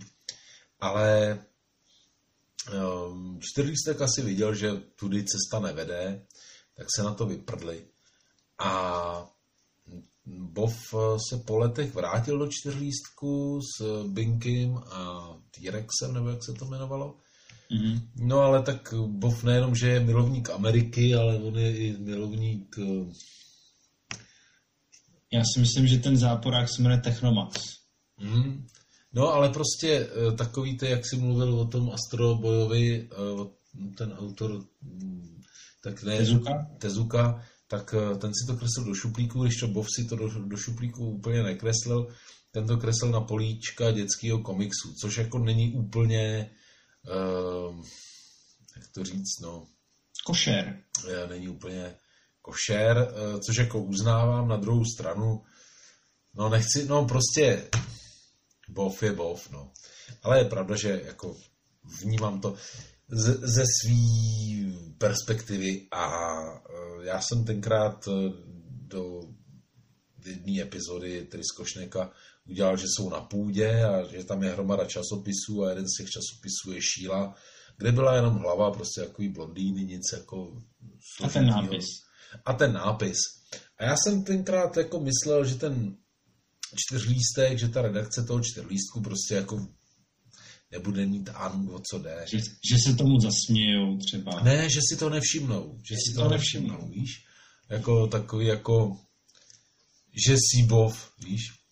Mm-hmm. Ale eh, je pravda, že prostě Bov to dělat neměl, to je jedna věc a druhá věc, eh, že jsem vůbec netušil, že velmi dobře budou vědět, na co narážím, protože to sami vydali. Já jsem tenkrát vůbec nevěděl, že Šílu vydal čtyřlístek, což je takový jako nešťastně zaciklený. Na druhou stranu všechno zlé je k něčemu dobré a když byl Bov odejít, tak se po něm uvolnilo místo a na něho přišel Nikarin, takže dobrý. A my samozřejmě žádný takovýhle tenze nemáme, protože já nevím, měl jsi někdy nějakou takovouhle tenzi na takovýhle výrubky? Teda na jako, že, že bych kreslil třeba do čtyřlístku nějaký. Víš, že jsme to spolu řešili už tenkrát, když jsem kreslil jeden ten příběh, kde se musí Hugo protáhnout skalní průrvou a že jsem ti furt říkal, jako Dane, prosím tě, koukni na to a řekni mi, že to nevypadá jako, jako ženský přirození. A ty jsi říkal, vypadá to jako ženský přirození. Až jsem to musel upravit tak, aby to nevypadalo jako ženský přirození. No je pravda, že potom uh, po té kauza Bov uh, vlastně si člověk hodně dával pozor na to, jak vypadají tvary mraků a, a tvary rostlin. Jakože ono... A na druhou stranu ne, to zase tak, jak já jsem nad tím jako přemýšlel, víš, když bys, když bys to jako tam udělal nějakou, nějakou houbu nebo, nebo nějakou rostlinu, ale nevědomky a někdo řekl, někdo řekl, hele, to, to vypadá jako penis, tak tam už jako není ale problém jako v tobě. No jasně, jasně. Jenomže u toho uh, Bohumila Fensla to bylo naprosto evidentní. Jo. No to je. A, uh, ale je pravda, že prostě pak si člověk, já dělám, víš, takový ty obláčky, když jako zmizí tryskošnek, a takový mm-hmm. ty mhm. malý obláčky jsem dělával jako ve třech oblinách, jo, a oni trochu vypadali jako třeba uh, pánský penis s koulema. Uh, a... Jasně, protože jako to, to, to jsem měl nějaký reakce, že, že nos jednoho hlavního hrdiny uh, ze Super Sponsor Cágy vypadá přesně jako penis s koulem. Takže jo. No a já jsem se od té doby právě naučil dělat čtyři ty obláčky, aby jo, tam nebyl jo, jeden jo. další a dva kulatější. Uh, takže jako jo, no, ale uh, pokud ono vlastně jako ani to, že jo, nenašli v redakci toho čtyřlístku, protože my jsme ten komiks prohlíželi někdy v létě, on vyšel někdy v létě a uh, už tenkrát s Týnou jsme tam našli ty věci. Uh, zapadalo to prachem, no a asi po půl roce, někdy v zimě, prostě najednou obrovský halo uh, po takové době, jo, kdyby to jako prostě zapadlo, asi to někdo dal někam na socky a rozneslo se to a mm. to došlo. Což já neříkám, to je jako to, co dělal Bohumil Flencel, prostě jak to sám řekl, no, byla to klukovina, byla to blbost. Jako, a je pravda, že tohle do dětského komiksu nepatří. A no, co si budeme povídat, mezi děcma dě- dětskama se to roznese, hergo, ty bublinky vydávají. Já, já právě každou chvilku přemýšlím, jestli se pobliješ nebo ne. Nejsem kočka mý. Každou chvíli. No a pak se nás teda ještě Tom Pekárek ptá, jestli třeba si jako vzpomeneme na nějaký takový jako zvláštnosti, co třeba my víme a zároveň ně, něco, co se týká třeba našich jako komiksů pro čtyřlístek ze zákulisí, takže jako vlastně to divák, nebo ne divák, čtenář vlastně vůbec jako nemusí vědět. Já jako přemýšlím, co by tam mohlo do té, do té sekce jako spadat. A například eh, do téhle sekce podle mě spadá jedna hrozně šikovná redaktorka nebo účetní nebo něco takového, jedna zaměstnankyně redakce, která ale nepracuje jako úplně v tom tvůrčím eh, odvětví. Mhm. Ta umí skvělý vystřihovánky.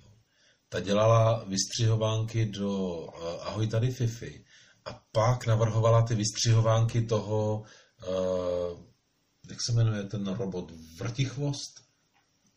No, vím, co myslíš. No. Ten, ten jako z prvního čísla A eh, lístku. tak v nějakých čtyřlístkách právě vyšly tady ty vystřihovánky, Vrtichvost a Chronolet. A to Mhm. dělala právě jako um, nějaká paní tam, kterou, kterou, která je jako talentovaná tady na ty vystřihovánky. A dělala... Jaký je, tvůj, jaký je tvůj nejoblíbenější robot ze čtyřlístku? Spíš na jakýho si teď vzpomenu. Hele, to já teď uh, nevím, ale Já totiž jako uh, taky si přesně teďka nevím, jak se jmenuje. Jako první, co ti třeba napadne, je Apobab, jo. mm, Ale Apobab nemám až tak jako rád, jako, jako takový ty roboty, co vlastně uh, vypadají, jsou, jsou červení, jsou myslím dva a mají místo hlavy velkou, velkou žárovku. Jo, no, vidíš, no, to jsou takový ty, co hlídali ten domov. Ne, počkej. Jo, hlídali ten domov a ten Jo. čtyřlístek právě v tom příběhu Se nějak se spálil jako spálil na sluníčku a včely a tak, tak, tak a oni je pak nepoznali. A tak to je takový můj, asi bych řekl, jako jeden z nejoblíbenějších No. jako robotů. je, já jako z dětství jsem čet Madora, že jo? Mhm. Uh, není to, to není Mador, to je Magor, to je taková klasická hláška. Mhm. Pak uh, jsem, no já nevím, jestli říct, že jsem ho měl rád, jo, ale prostě několikrát jsem čet Dupa. Mhm. Uh, ale jako z těch robotů a, asi, asi nejsem tak robotický. Jako mám rád roboty, ale zrovna u toho čtyřlístku já, měl, já mám nejradši chronolet. Jo. Prostě chronolet, mm. stroj cestování v čase, to je prostě výborná věc. A eh, ať s tím cestují do minulosti nebo do, do budoucnosti, chronolet je moje jako. Tak možná bych to mohl, eh, ne, ne eh, přímo robot, ale jestli tě napadne, nebo jestli bys dokázal říct jako svůj nejoblíbenější eh, myšpulinů vynález. No po, pozor, pozor. Na CHRZ, nebo jak se to jmenuje, CHRZ, No, CZ, RZVZCZ. CHRZVSCZ, tak eh, to je prostě neoficiální fanovská stránka čtyřlístku a tam to mají rozdělený. Já jsem tam, když jsem vymýšlel uh, druhý čtyřlístkovský příběh, který jsem měl kreslit, a to byla super dimenze, tak já jsem tam čerpal informace, jako co tam mám jako dát ten, tomu myšpulí, myšpulínovi za správný vynález. Jaký sprej, jaký očistující. A já byl úplně překvapený, jak tam mají tyhle vynálezy rozdělený od přípravků, pilulek, roboty, různý stroje, různý prostě udělátka. Jako luxus, luxus. Ty jsi mi fantasticky nahrál, protože ta zajímavost, kterou třeba čtenář neví eh, a vlastně vědět ani nemůže, je třeba to, že samot- samotná redakce čtyřlístků tady tu neoficiální databázi jako sama využívá. Oh, tak to je dobrý. Jo, jakože opravdu, já jsem si na to ptal, jestli znají ty stránky a mám pocit, že to bylo tak, že mi tenkrát říkali, že, že samozřejmě znají a že sami občas z nich jako čerpají. Ano, ano. Jako jo, Takže- no vidíš, to je dobrý. To je, bych řekl, taková jako zajímavostka, která by Jo. mohla jinak se ztratit v éteru. Já myslím, že to musí ty autory hrozně těšit z toho webu. Že vlastně jako Uh, to, to vlastně je fan stránka a úplně fan stránka není docela. Mě by teda vlastně zajímalo, kolik, eh, kolik autorů, jak ty říkáš, tam je. Já se mm, trošku obávám, že se to o to jako stará jeden člověk. Hmm. Je to možný, ale je to strašně důležitá uh, stránka, ze který opravdu jako já, já z ní čerpám a nejenom jednou, jak jsem tady to je dost možný, že většina samozřejmě našich jako diváků a posluchačů ji zná, ale bylo by hezky, kdybys třeba dal pod to video uh, odkaz. Jo, uh, dole najdete odkaz na tuhle Přes. skvělou, ale naprosto skvělou eh, webovku o čtyřlístku. Je to prostě uh, přesně ta webovka o čtyřlístku, kterou jste vždycky hledali, jestli o ní už ovšem nevíte. Já si myslím, že jako jo, to je, to je poměrně známá, ale je pravda, že já když jsem ji poprvé objevil, tak to pro mě bylo takový jako... Michale, teďka na to koukám. Ty máš Batmana? Mám, mám Batmaní mikinu. Wow. Já mám triko, na kterém uh, kdysi dávno, než se to sepralo, byl štít kapitána Ameriky. Uh, Jsi moc šikovný. Pašák. Ne, jakože prostě nevím, máme náhodou oba komiksový trika. Já většinou komiksový triko takhle. E, to je Mikina. Já jinak pod tím mám, jinak pod tím mám Bowsera z toho, ze Super Maria, ale... Jo, to nevadí, ale že prostě tam máš Batmana, já mám Kapitána Ameriku, i když už to na tom triku není vidět. No, možná nějaký stopový kousky. No, nic. Nechci vědět, čeho stopový kousky jsou na tom triku. Tak. Toho štítu z našich bloků.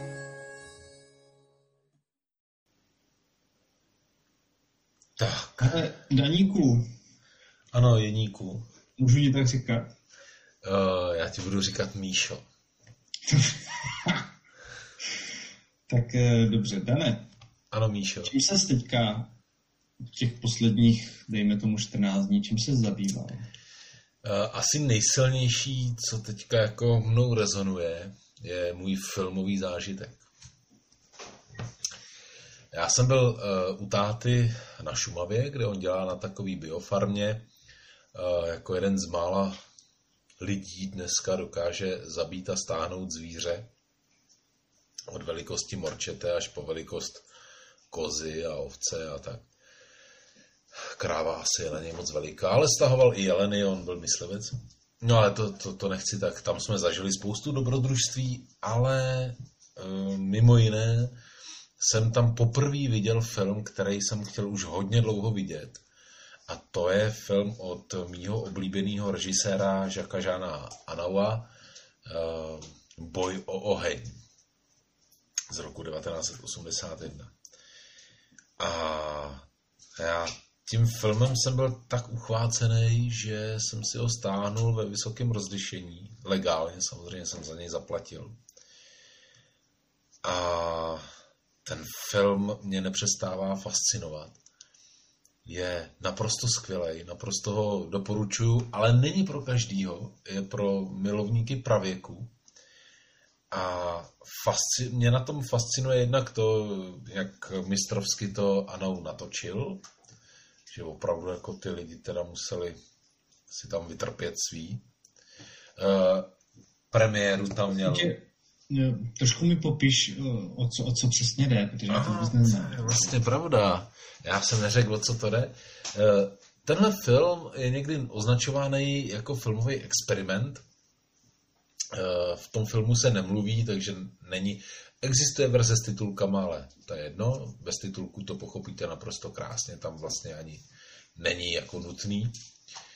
Eh, je to experiment, eh, děj se odehrává v eh, Evropě před 80 tisíci lety a tlupa neandertálců, tlupu neandertálců napadne prostě nějaká jiná tlupa hominidů a oni přijdou o oheň tady po té bitce. No a mhm. vyšlou tři vlastně svoje členy, aby uh, našli zpátky oheň. No a ty tři členové prostě prožívají různý dobrodružství, setkávají se s kanibaly, uh, setkávají se s mamuty, s, se šavlozubejma kočkama.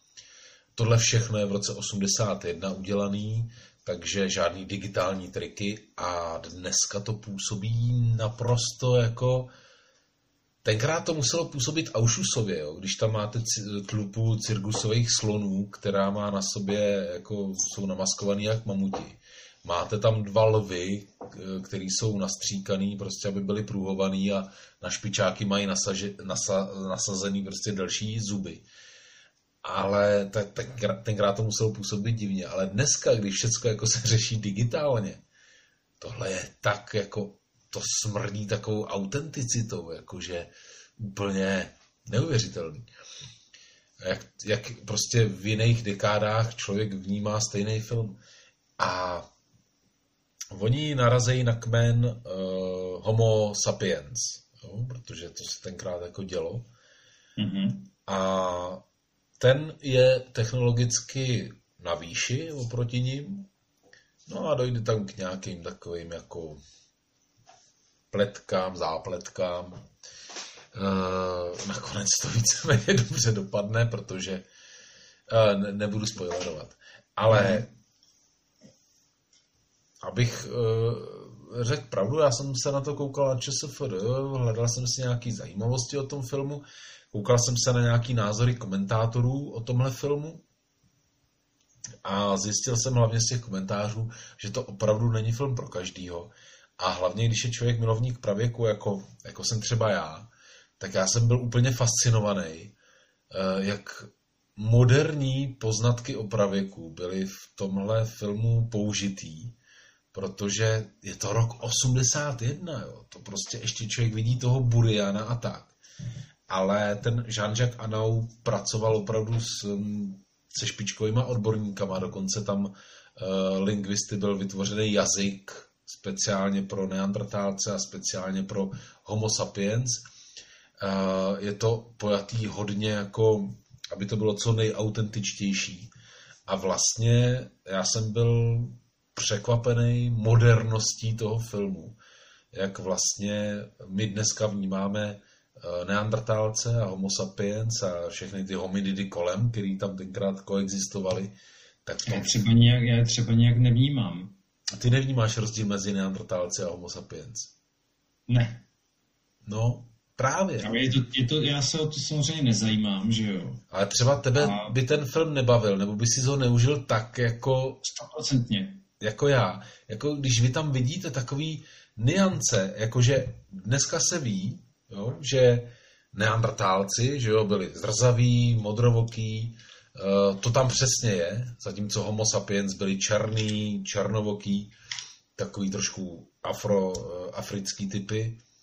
Takže já jsem spíš uh, homo sapiens a ty jsi neandertálec? Ne, ne, ty jsi víc neandertálec, ty jsi zrzavý. A naopak, naopak. Neandertálec, uh, jsi teda homo sapiens. Jako každý člověk má v sobě nějaký procento neandertálského genu, jo? to je tak promíchaný, že vlastně ne, to není čistý, tam jako není čistota. Každý člověk, i já, mám prostě nějaký procento neandertalského genu. Zrza, zrzavost a třeba chuť na nikotín a ještě například uh, alergie na, mlí, na mlíko a na mlíční výroby, výrobky, to je od neandertálců. Jo? No, já mám třeba pocit, že já jsem zrzavý, ale ty máš chuť na nikotín. Já mám chuť na nikotín. A Michal, já mám zrzavý chlupy v podpaždí. A některý, některý, potřeboval vědět. některý moje fousy a vlasy jsou taky jako dost, dost zrzavá. Jo. Prostě je to takový pomíchaný. A, a nějakým způsobem já vyprávět o svých, o svých různých jako tělních těch... Eh, ne, já jenom chci věcech. demonstrovat, já chci jenom demonstrovat, že jako dneska se to nedá odlišit. Homo neanderthalensis je vyhynulej druh. Ten je konec. Ty nejseš neandertálec, jo? Mm-hmm. Jenom prostě máš víc neandertálských genů, než mám třeba já. Ale ty neandertálské geny, ty se prostě rozprostřely do kompletní populace. A tvého podpaví. A mého podpaví. no, ale uh, dám, dám příklad, prostě proč jsem si to třeba užil. Uh, tak tam ty neandertálci oni moc nemluvějí. Jo? Oni ohni říkají nějak ar nebo něco takového a so, víc jako vydávají skřeky. Jo?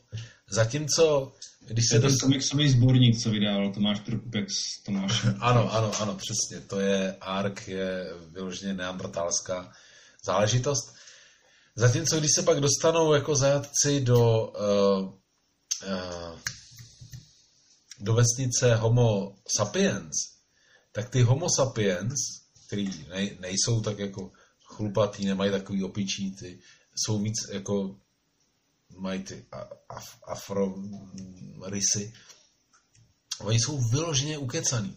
Jsou strašně ukecaný a furt melou, jo. A tam je dokonce i hrozně vtipná, on Jean-Jacques Ano má jako smysl pro nějaký gigy. Tam prostě je vtipná scéna, kdy eh, se snaží osvobodit svého druha a omylem tam zbudí jednoho toho homo sapiens a on najednou začne ze spánku strašně veselé povídat, povídat, tak ho tam bouchnou prostě nějakým tím kiem, tak ho hned jako stišej. Jsou hrozně ukecaný. A jako to se ví, že homo, sap, eh, homo sapiens, jako my, máme postavený hlasivky tak, aby jsme mohli pěkně mluvit, zatímco homo neandertalensis, eh, který byli stejně inteligentní jako my, tak eh, oni prostě mluvit moc nedovedli. Jo. A jako spousta tady těch detailů je prostě naprosto luxusních a jako milovník pravděků si to užívá. Je mi naprosto jasný, že po těch letech už to v detailech trochu zestárlo.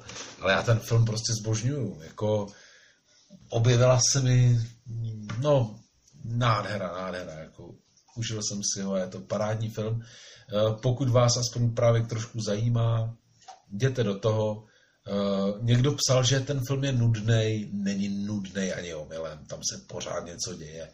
Není to jako, uh, já nevím. Jako sledovat tvoje podpaží.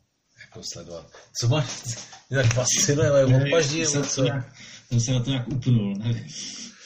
Jakože uh, je to správně drsný, um, pěkně to odsejpá a Michale, premiéru premiéru si tam odbil Hellboy, Ron Perlman. A, a hrál Neandertálce? Hrál nebo... Neandertálce samozřejmě. No, tak jo. Jednoho ze tří hlavních, takže jestli chcete vidět uh, debit uh, slavného Hellboye, Rona Perlmana, vidíš, to je velmi takový oslý komiksový můstek. Já, já jsem jako zase velmi překvapen a nadšen, jak se ti podařilo vlastně do, to, do tohoto tématu jako vměstnat komiksový nějaký cucek.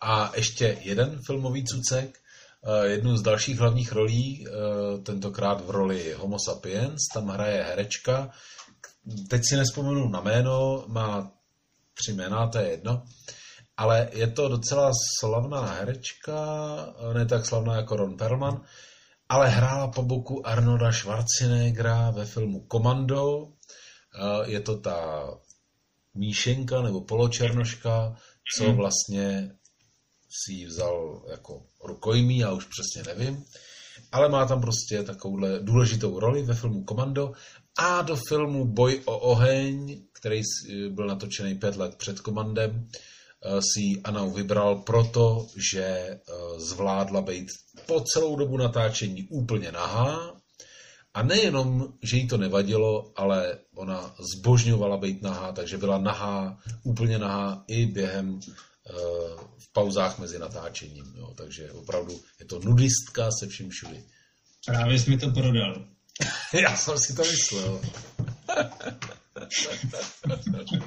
ne, tam jsou všichni skoro furt nahý, takže jako... Jo, jo. I Aaron Barrowman tam pobíhá se svým kijem. Um, Key Rona Perlmana tam neuvidíme. Ani v ruce, jako... to jo, to jo, prostě. jako v ruce, jo, v ruce, jo. Hele, no. má hned úvodní scénu, hned v první scéně chytí můru a sežerej. A je, je půvabný od začátku, jako hned jak sežere tu můru, tak tě chytí a ten film prostě jede. Hezké. Možná se nakonec opravdu začnu zajímat o pravěk. No, Ale, no. No, ta, ta herečka opravdu tam, tam nemá žádný šaty, je tam pořád nahá. Takže eh, doporučuji ti ke zhlédnutí. Aspoň se něco dozvíš opravit. Líbilo, kdyby ta herečka tam jako někde šla, došla by k Ronu Perlmanovi a řekla mu, chci tvoje šaty, boty a tvůj motocykl.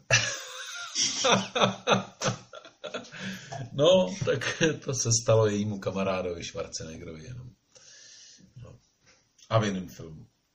Jo.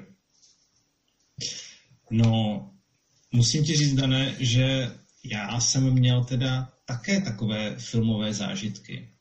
No, pojď do nás. Uh, jak to říct, byl jsem, byl jsem dvakrát v kině. Byl jsem na Duně. Tu jsi pořád ještě neviděl? Ještě jsem se k tomu nedostal. Teď jsem měl práci, no. Byl jsem na Duně, k té asi krátce tolik bych řekl, že samozřejmě tu předlohu neznám, ale e, film si myslím, on ve světě sklízí e, poměrně jako pozitivní kritiky.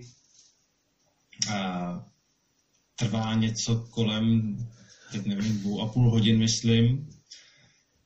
No a mám pocit, že vizuálně, audiovizuálně doslova, audiovizuálně se jedná o film, který je jako výborný. Jo. Audiovizuální stránka je skvělá. Obsahově, příběhově je to takové trošku prázdnější. A možná je to ale nějaká jako paralela s tím vlastně, s tou pouští, ve které se to odehrává. Těžko říct. Jo. Ten film ve mně pořád nějakým způsobem jako rezonuje. A možná se jenom potřebuje nějak jako usadit aby z něho byl ve finále nějak nadšený. Ale herecky je dobře obsazený, jak jsem říkal, audiovizuálně je tam výborný. Eh, končí to tak zvláštně. No, on je to totiž první díl z několika. Jo. A eh, když jsem na to původně šel do kina s tím, že o tom téměř nic nevím, tak eh, jsem vlastně nečekal, že hned na začátku se objeví jako nápis Duna, část první, tak to A to už je na plagátech. To už je, myslím... Mm, hele, já jsem neviděl skoro žádný trailer a žádný ne. plagát, jo, takže... Nebo je tam něco jako začátek, nebo něco jako... No, já jsem šel zcela jako nepolíben uh, s čistým štítem i hlavou. A ten film je takový vlastně meditativní, to znamená, že když jsem tam seděl ty dvě a půl hodiny, tak jsem eh, sledoval vlastně tím, jak je to dějově relativně prázdný, tak eh, ale zároveň prostě neustále tě filmař, ta filmařina jako by oslovuje tím svým audiovizuálním, tak jsem měl dost prostoru a času si přemýšlet nad svýma věcma, což bylo fajn, takže jsem se nechával jako inspirovat pro nějaký mm, jiný příběhy, které mě napadaly v průběhu filmu. Jsi neužíval tu podívanou? Užíval, ale zároveň furt tam bylo dost prostoru, že hele, to uvidíš třeba sám, až na tom někdy to uvidíš, tak eh, zjistíš, že opravdu můžeš eh, mezi tím, co to sleduješ, třeba vymýšlet další jako příběhy pro Krisko Šneka nebo něco, co se bude eh, odehrávat na poušti a, a budeš to vnímat jenom skrz jako tu inspirační vlnu, nebo jak to říct. Viděl jsi Blade Runner 2040 něco? Viděl. Od stejného režiséra? Viděl. Je to podobný? Já jsem si tam totiž jako fakt eh, hodně užíval ty dlouhé záběry na ty mm. krajiny a to mě hodně bavilo, protože současný filmy ale jo, jsou... Ale, ale mám pocit, že ten nový jako Blade Runner víc drží pohromadě mm. a vlastně je to příběh od začátku do konce. Jo. Eh, tenhle ten film na mě působí jako pilotní epizoda nějakého uh, seriálu to znamená, že vlastně je to takový jako rozjezd. Jasný, jo? jasný. A že se to tam příliš neodehraje. Ono se tam dějou věci, ale děje se jich tam vlastně jako na ten, na ten strašně dlouhý rozsah, těch dvou a půl hodin, se to tam stane jako poměrně málo. Na druhou stranu eh, musím říct, že si myslím, že je to opravdu eh, nejlepší díl Hvězdných válek za posledních deset let. Jo. Ale to jsem jenom chtěl právě zmínit takový jako kulturní okýnko. A ne, a ne, ne, v kině. ne za 30? Ne, ne, možná, že, možná, že za 30. já, já mám, Michale, já mám pocit, že... Ale good point. Že se to začalo kazit od návratu Jediho, jo? No, a ano. Je, hele, rozhodně v celém filmu není jediný evok. Jo. Ani Jar Jar Binks, takže si ale, myslím, že dobrý. Ale v 80. letech, kdyby Duna byla natočená v 80. letech, určitě by tam evok byl. No, pokud by to točil třeba, nevím, řeknu, David Lucas. Nebo kdyby to točil David Lynch, určitě by tam dal evoka. Naštěstí Duna v 80. letech nebyla nikým natočená, takže... Viděl jsem teďka krásný, krásný meme a to je Duna, se, Duna sever a Duna jich.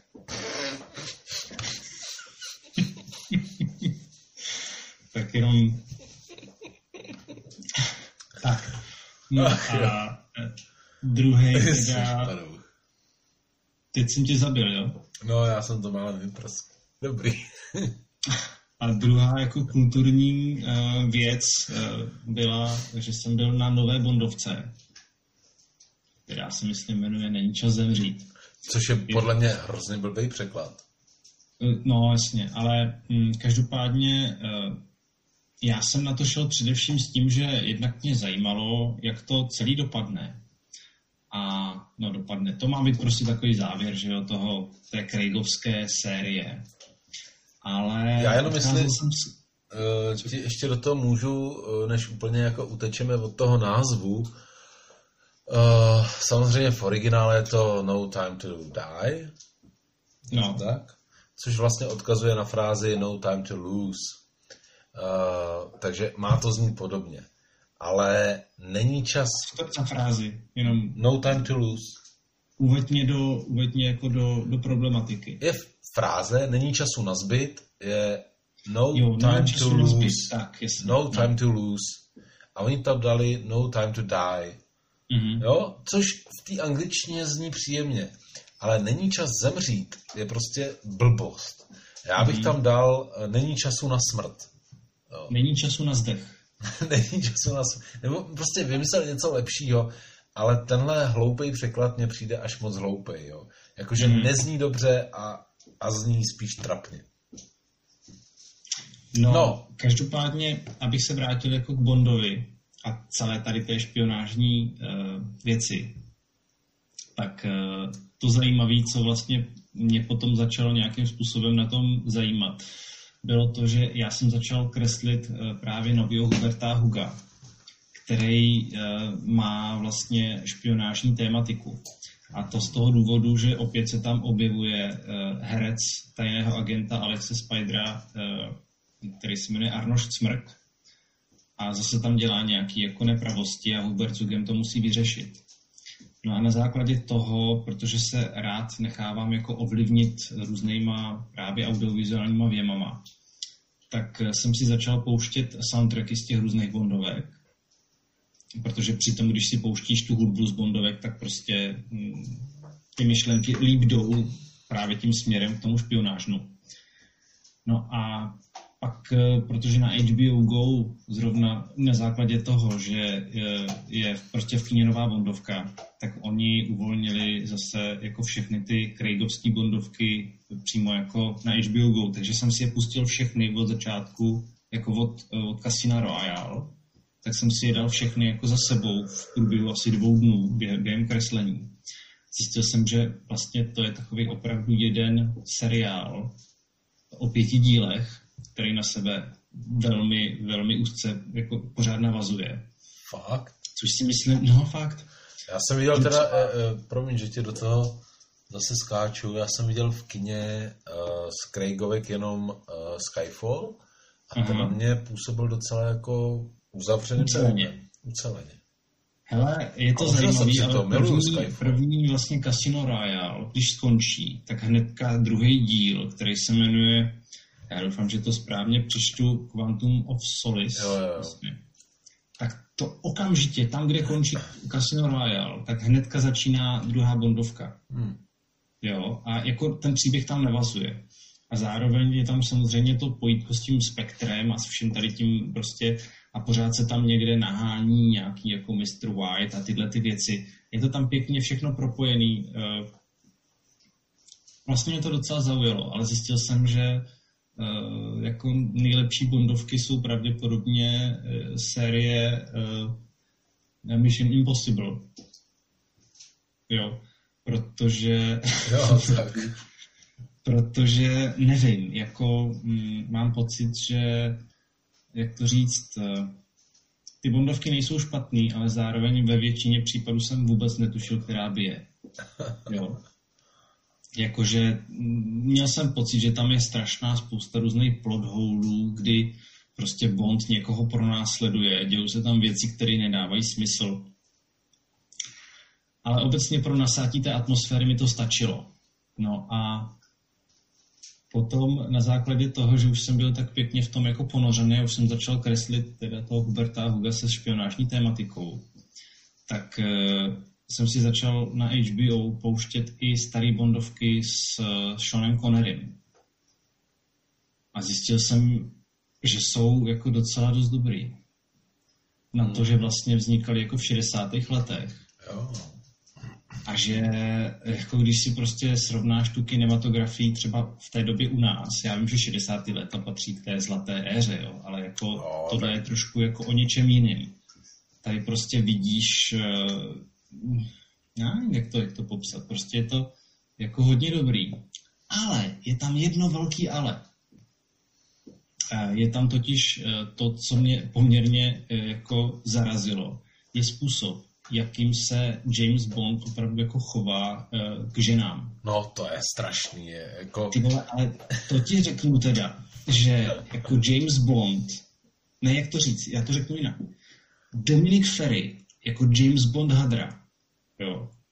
Protože James Bond většinou, prostě samozřejmě, Eh, ty ženy nějakým způsobem si myslí, že je asi okouzlující, ale jako vlastně není. A obvykle je dobývá tím způsobem, že prostě nějakou z nich chytne, začne jako vroucně líbat. A ona se chvíli brání, chvilku jako tak se různě jako snaží vzpouzet a pak jako tomu jeho kouzlu podlehne. Jo. A jako tady vidíš, že tenhle ten problém, tahle ta problematika je vlastně zakořeněná jako, jako v popkultuře vlastně.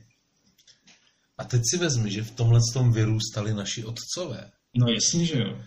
A to je prostě to boomerství. Jo. Prostě to jsou přesně ty lidi, kteří nedovedou pochopit, co je na tom špatně. Že je na tom špatně všecko. Jako. Ještě je tam jeden takový poměrně zajímavý aspekt, co se týče teda bondových žen. Samozřejmě jeden z nich je ten, že on v každé bondovce má jako jinou bond girl, že jo.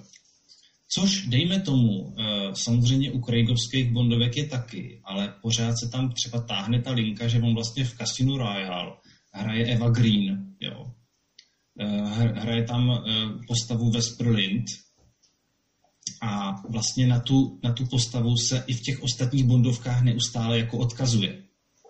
Protože on chce jako vlastně pomstit její smrt a to se tam táhne vlastně až do... Teď mi to vyspoileroval. Ne, to ti ne, nespojuju, to ti říkám jako o tom, co vlastně se dělo. A ty jsi řekl, že v Casino Royale zemře Eva Green.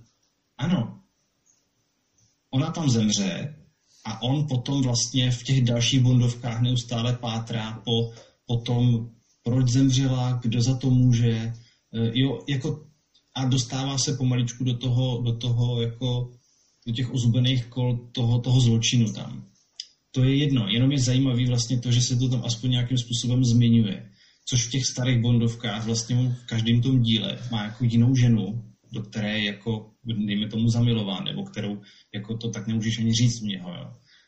kterou je, dejme tomu, okouzlen. Vždycky na konci každé té bondovky, on tam s ní někde jako skončí a teď tam jako líbají a leží a něco. Ale na začátku nové bondovky už je jako zase sám a zase zase jako hledá, loví jinde, jo, řekněme. A to, že teda se jako příšerně chová k těm ženám je jedna věc. A druhá věc je, že, mm, že je teda střídá prostě jak, jak na jedoucím páse. A další věc je ještě zajímavá v tom, že obvykle ženy, které se nějakým způsobem zapletou s Jamesem Bondem, mají štěstí v případě, že James Bond je jenom opustí, protože v tom horní, horším případě oni zemřou jelikož eh, obvykle je to prostě žena nějakého padoucha, on, on jí teda nějakým způsobem jako asi svým šarmem, nebo já nevím, skotským šarmem asi svede. A ona to potom jako odskáče tím, že ji ten padou zabije.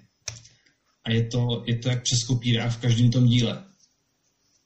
Strašně. Hrozně zajímavý. Myslím, že uh, takovým předělem tady v tomhle tom bylo Zlatý oko z roku 90, nevím, dva, tři, nevím, čtyři. Tak nějak, no. Tak nějak, uh, kde vlastně jako byla i úplně jiná Bond girl. A je pravda, že mě tohle to jako dost vadilo, eh, kdy vlastně tam zachází s těma ženskýma jenom jako s hračkama. Jako pes, když ošuká hadr a pak jde zase dál. No, je to, je to velmi zarážející, samozřejmě musíme se na to asi dívat optikou té doby, ale... Jak my už jsme milé, ale... Eh, my jsme prostě jiná generace. Rozhodně, ale i tak teda eh, vlastně mě ty bondovky s tím, s tím Seanem Connerym docela baví. Zjistil jsem, že jsem je asi nikdy moc neviděl, protože když jsem se díval třeba v televizi kdysi dávno, jako ještě v dětství na nějaký bondovky, tak tam většinou hrál Roger Moore, což byly takový hodně ulítlý jako polokomedie. Docela mě to zaujalo. Už, už jako baví mě, baví mě i ta filmařská práce tady v těch filmech a dovedu jako pochopit, proč to získalo uh, takovou oblibu u, u diváků, protože ty filmy jsou opravdu jako napínavý, jsou dobře natočený uh, a na tu dobu vlastně, ve které vznikaly, je to ne, nemůžeš to říct, že to je nějaký jenom akční Bčko. Je to prostě, tam je vidět, že je to prostě dobře, je dobře odvedený. Tak eh, první James Bond, eh, Doktor No, co byl natočený, tak ten neměl moc vysoký rozpočet. Tam se jako... Hmm. Ale měl velký úspěch v kinech, no a... Máš nějakou jako oblíbenou Bondovku? Hmm. Zlatý oko. Rozhodně. Asi mám rád takový ty Bondovky, které jsou něčím fakt jako vynikají, jo. Uh, Není to zlatý oko třeba jako daný tím, že ho ty možná viděl v kině, já nevím. Eh, v kině jsem ho neviděl. Neviděl, ale že byl prostě v té době, kdy jsi byl v takovém tom správném věku? Mm, jednak uh, možná, nebyl jsem ani v správném věku, ve správném věku, já spíš jako zpětně uh, oceňuju jeho kvality, protože on, uh, Zlatý oko je velký zlom v Bondovkách. Mm-hmm. V kině jsem byl snad jenom na dvou bondovkách, jo. A to byla, eh, to kromě eh, Skyfall, eh, byla bondovka snad ta poslední s Piercem Brosnanem, jak se to jmenovalo, jak tam surfuje na těch vlnách, tyjo. Může to být zítřek nikdy neumírá. Jo, asi zítřek nikdy neumírá. To jsme se se strejdou, to jsme se se strejdou Frantou ožrali a šli jsme do kina na cokoliv, co dávali a zrovna dávali tohle, takže jako u toho jsme se docela pobavili, no. To byla solidní blbost.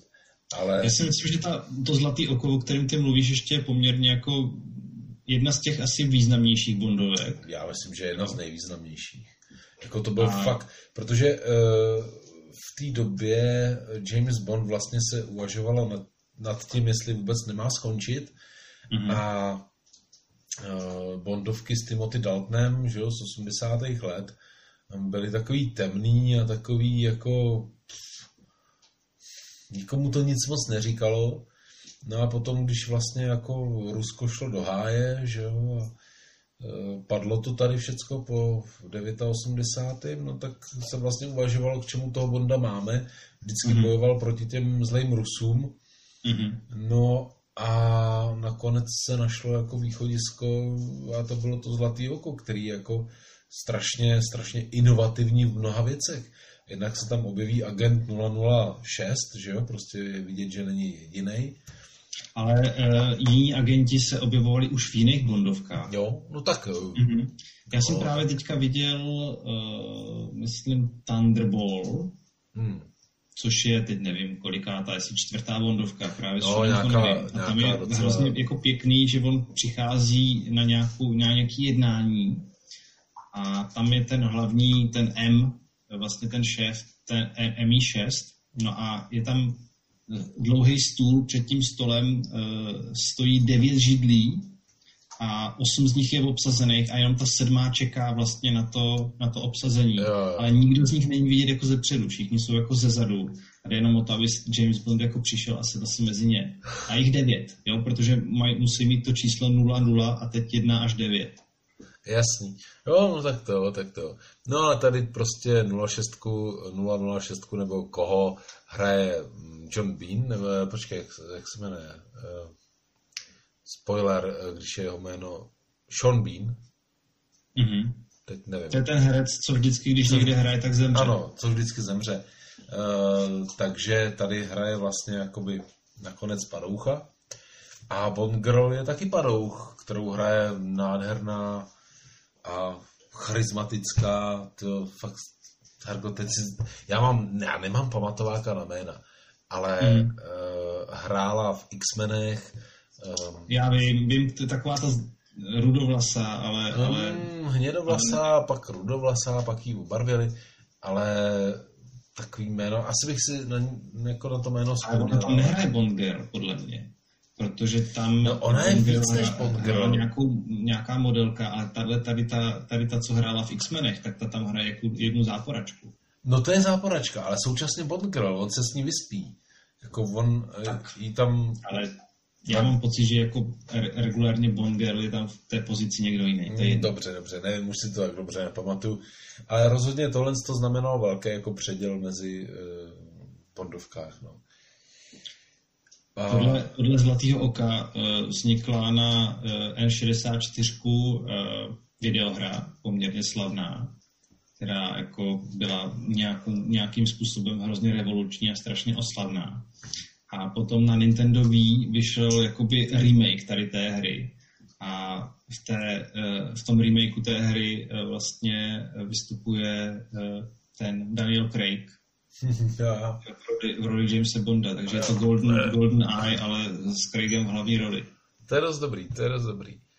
No, A ještě jsem se tě chtěl zeptat, a pak mám dvě otázky na tebe. Nejdřív se tě zeptám na tu první. Eh, U kterého herce myslíš, že byl v nejvíc Bondovkách? asi Roger Moore. Hmm. Tak si představ, to je jako poměrně další fascinující věc, kterou jsem zjistil, když jsem eh, sledoval teďka ty staré věci s Connerym, že herec, který byl obecně jako nejvíc obsazovaný v Bondovkách, Ne, je počkej, já- Kvé, ten herec, který hraje Kvé Ne, já jsem myslel, já jsem myslel, že myslíš Bonda. Já vím, já vím, ale jako eh, ten, ten herec, který teda hraje takového toho jako zásobovacího technika s těma udělátkama. Tak já bych typnul Moneypenny, jo, kdybys to jako No, tohle ale ne. Tak normálně tady tenhle ten, já nevím, jak se jmenuje, musel bych si to vygooglit a to se mi teďka nechce.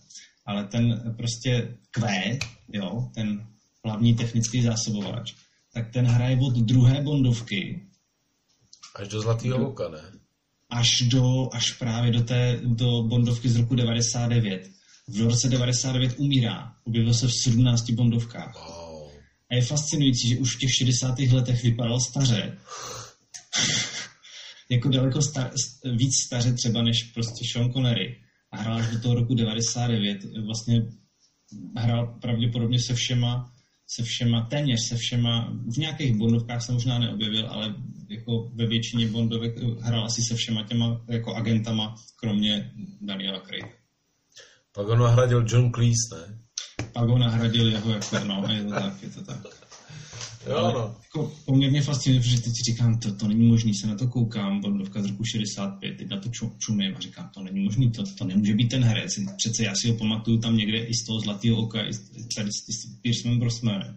Říkám, to není možný, jak jsem si to vygooglil, a zjistil jsem, že fakt normálně jako nejvíc vlastně obsazovaný eh, herec do Bondovek, protože prostě tam byl celou dobu skoro.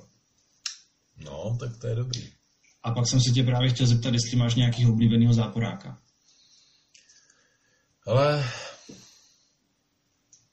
já mám asi mm, můj nejoblíbenější záporák uh, je Blofeld, jako určitě, z Jamesa Mhm. Bonda. Jednak protože ho nejdřív hrál Jan Verich a On ho měl hrát Jan Verich. no jasně, Možná Ale- byl na nějakých zkouškách, ale nakonec mu to nedali. Eh, je vidět v několika záběrech, eh, teda jenom jako jeho, jeho šedivý vlasy vyčuhujou spoza křesla.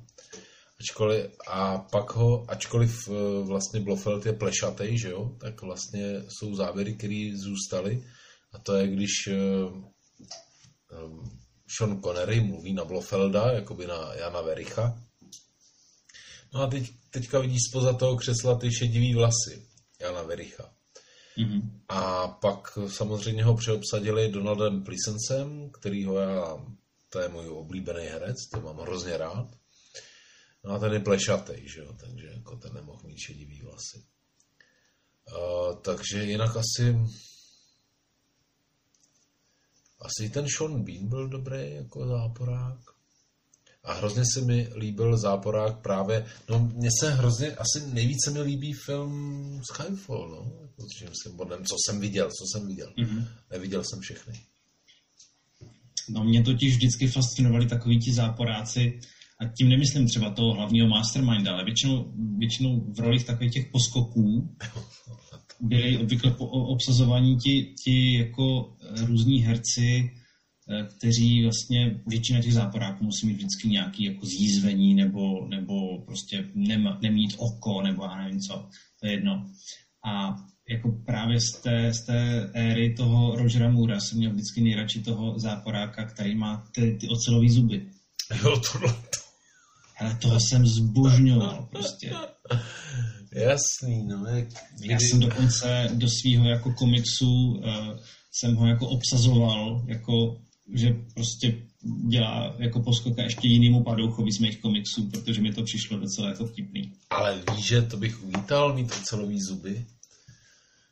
To je no, nevím, fajn. ale ta, vím, že ta postava byla nějaká taková poměrně jako uh, tragi, tragikomická, že to tam pak to si, nějak jako ty, nedopadlo ty murovky jsem fakt jako neviděl. Mm. Takže nevím. Uh, tohle prostě už spadá do těch osmdesátek, že jo, kdy prostě byly šílenosti. Mm. Uh, já si tohle herce pamatuju z filmu Pale Rider s Clintem Eastwoodem, mm. kde si zahrál teda už bez těch zubů. Mm. A byl to jeden z mála westernů, co byl v osmdesátkách natočený a ty osmdesátky z něho tečou jak prostě mlíko z krávy. A teďka to vypadá jako, že, že mě nějak zajímá James Bond, jo, nebo že něco takového. Mm. Ale já vlastně od Jamesi Bondovi vím úplnou tušku, jako... Já uh, taky, já, já teďka vlastně postupně se dozvídám spoustu zajímavostí a jako tak do toho jako pronikám. No, a jako můžu říct, že mě James Bond asi nikdy úplně nechyt a není to moje oblíbená filmová série. To je jenom tak, abych, abych to tak nějak jako dal na srozuměnou, že to... Ale moje asi taky ne, ale zároveň Šalek. jsem to teďka prostě pojal jako nutný inspirační zdroj pro právě tu mou bondovskou, pro ten můj bondovský příběh do toho čtyřlístku. Hmm. Kde hlavní záporák eh, tom čtyřlístku teda jako si říká chutný holanděn. A já jsem to měl už dřív vymyšlený a teď se mi to tam docela hodilo. A jeho hlavní jako plán je, je to, že hm, začne vyrábět uh, levný, levný cukrlinky, cu, cu, cukrdlata, jak se to jmenuje, bombóny a tak, uh, aby uh, zároveň, aby zároveň Eh, ovládl nějak jako trh s výrobou amalgámu a zubních protéz. Michale, necháme se překvapit, eh, pak určitě uděláš anotaci na svůj příběh. Myslím, že se ti bude moc líbit. Já se nejtěžím. Že se pochválíš. Uh, no, teď já chodím, kudy chválím. Naopak. Vidím, že už je pozdě. Hele, je pozdě. Uh, hele, každopádně to byl takový tady můj, můj to, co jsem teďka v poslední době dělal. Koukal jsem na Jamesa Bonda, poslouchal jsem eh, jeho, jeho ty soundtracky, eh, mám hrozně rád skladbu Goldfinger a... Ta hudba je parádní. Jako takový ty lidi kolem odvedli skvělou práci. No. You Only Live Twice je prostě taky skvělá skladba, jo, takže fakt si to užívám. No, no to jo, to jo. No a my se posuneme asi na abecedu. Já jsem, já jsem... Pojďme do toho. Komiksová abeceda. Ať už to máme z krku. A mně se vyloženě jako nechce. No. Je to Milí, milí, milí eh, diváci a posluchači, my jsme vlastně dostali se k tomu, že eh, písmeno, kterým by se, my jsme se měli vlastně v rámci eh, komiksové abecedy zabývat, je písmeno Ch. Nechtěli jsme ho přeskočit. Nechtěli jsme z H udělat I, ale řekli jsme si, že chceme udělat Ch. Ale vlastně jsme se dostali do slepé uličky a nevíme přesně, jakým Ani způsobem ho já si nemyslím, že je to slepá ulička. Um, ch jako chyba jsme si zvolili. A můj názor na chybu je, že je to jeden z nejdůležitějších prvků pro to, aby se člověk dostal někam dál. Nutno říct, že když jsme to točili eh, před tím týdnem poprvé, tak jsme se u toho příšerným způsobem dohádali. A já už nevím kvůli čemu ani, ale Já jsem mluvil o tom, že při tom gumová, já to nechci úplně zase jako odpírat. jo, vrátili jsme se ke gumě, jasně. Když jsme se bavili ještě o té gumě, já jsem říkal, že Eliminuje chyby. vlastně můžeš na- napravovat chyby a tyhle ty věci a ty jsi vlastně vysvětloval, že, že guma je součást procesu a tak. Ano, Ale jsme ano, se zaciklili, že jsme vlastně definovali, co je to proces a co je to, co je to oprava procesu a tak. Byla velmi Já to nechci dělat znova, Dané. Já to taky nechci, eh, nesmíme se vrátit ke gumě, jo, protože eh, my se pak zasekneme na tom, že eh, ty tvrdí, že guma eh, opravuje Ne. chyby Neříkej to, neříkej to. a já Prostě tvrdím, to- že guma je mm, tvorný článek, jakože pomáhá tvorbě. Tebe, představ si, já jsem nad tím týden přemýšlel a já už si to myslím taky. Takže mělo to určitě význam. Myslím si to jenom proto, aby jsme se o tom teďka nehádali, ale jako... No počkej, to si nemůžeš myslet jenom proto, aby jsme se o tom nehádat. Já se o tom nechci hádat samozřejmě.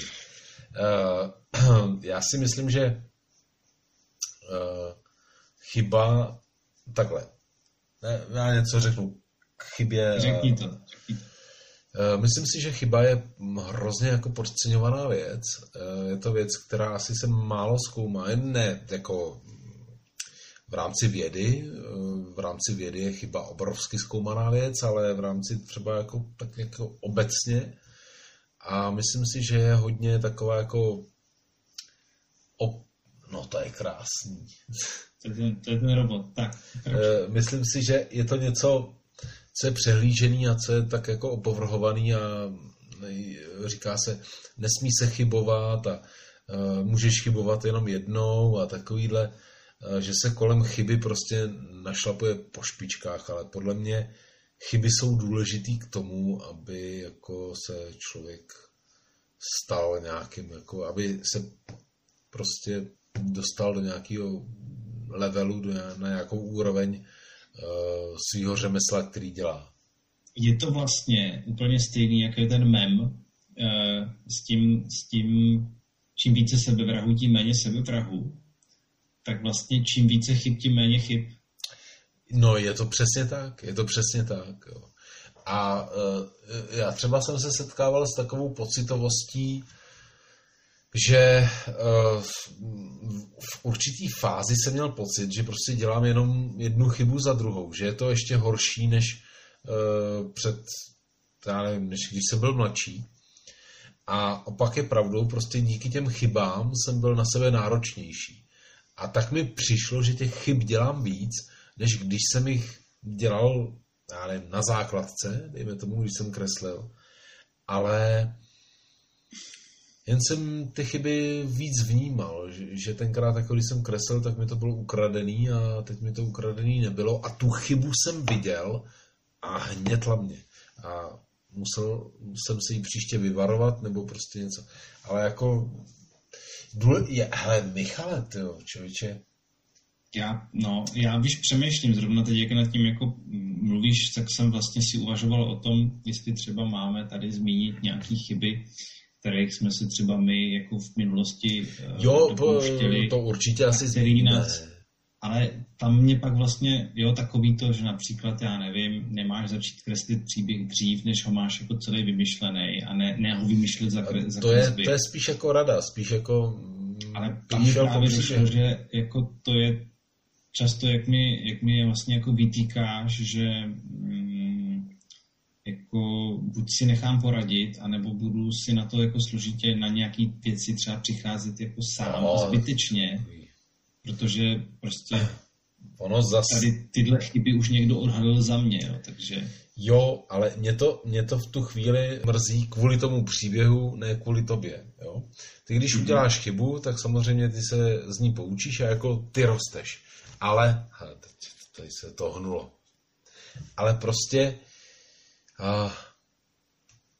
jak bych to řekl, uh, já vždycky, když někoho kritizuju, tak v tom nevidím toho člověka. Mě to mrzí kvůli tomu příběhu. Jo. Že vlastně ten člověk pak uh, půjde, bude ho kreslit, bude tohle, pak se to vytiskne, někde to bude a tak dále. Se vším tím jako nedostatkem, které já tam vidím, ale to prostě to je jako můj problém, jo. Ale mm, jo, no, vždycky, když, když tam něco vidím, co, co mi vadí, tak je to, ale říkám prostě, jsou lidi, kteří to mají třeba rádi a tak. Takže to mě je jako... Chybách, mě na chybách vadí to, že mě to jako okrádá o čas. Ne, to tě neokrádá o čas. Ty zkvalitňuješ práci, jako díky tomu. No, tak někdy, nevím, jako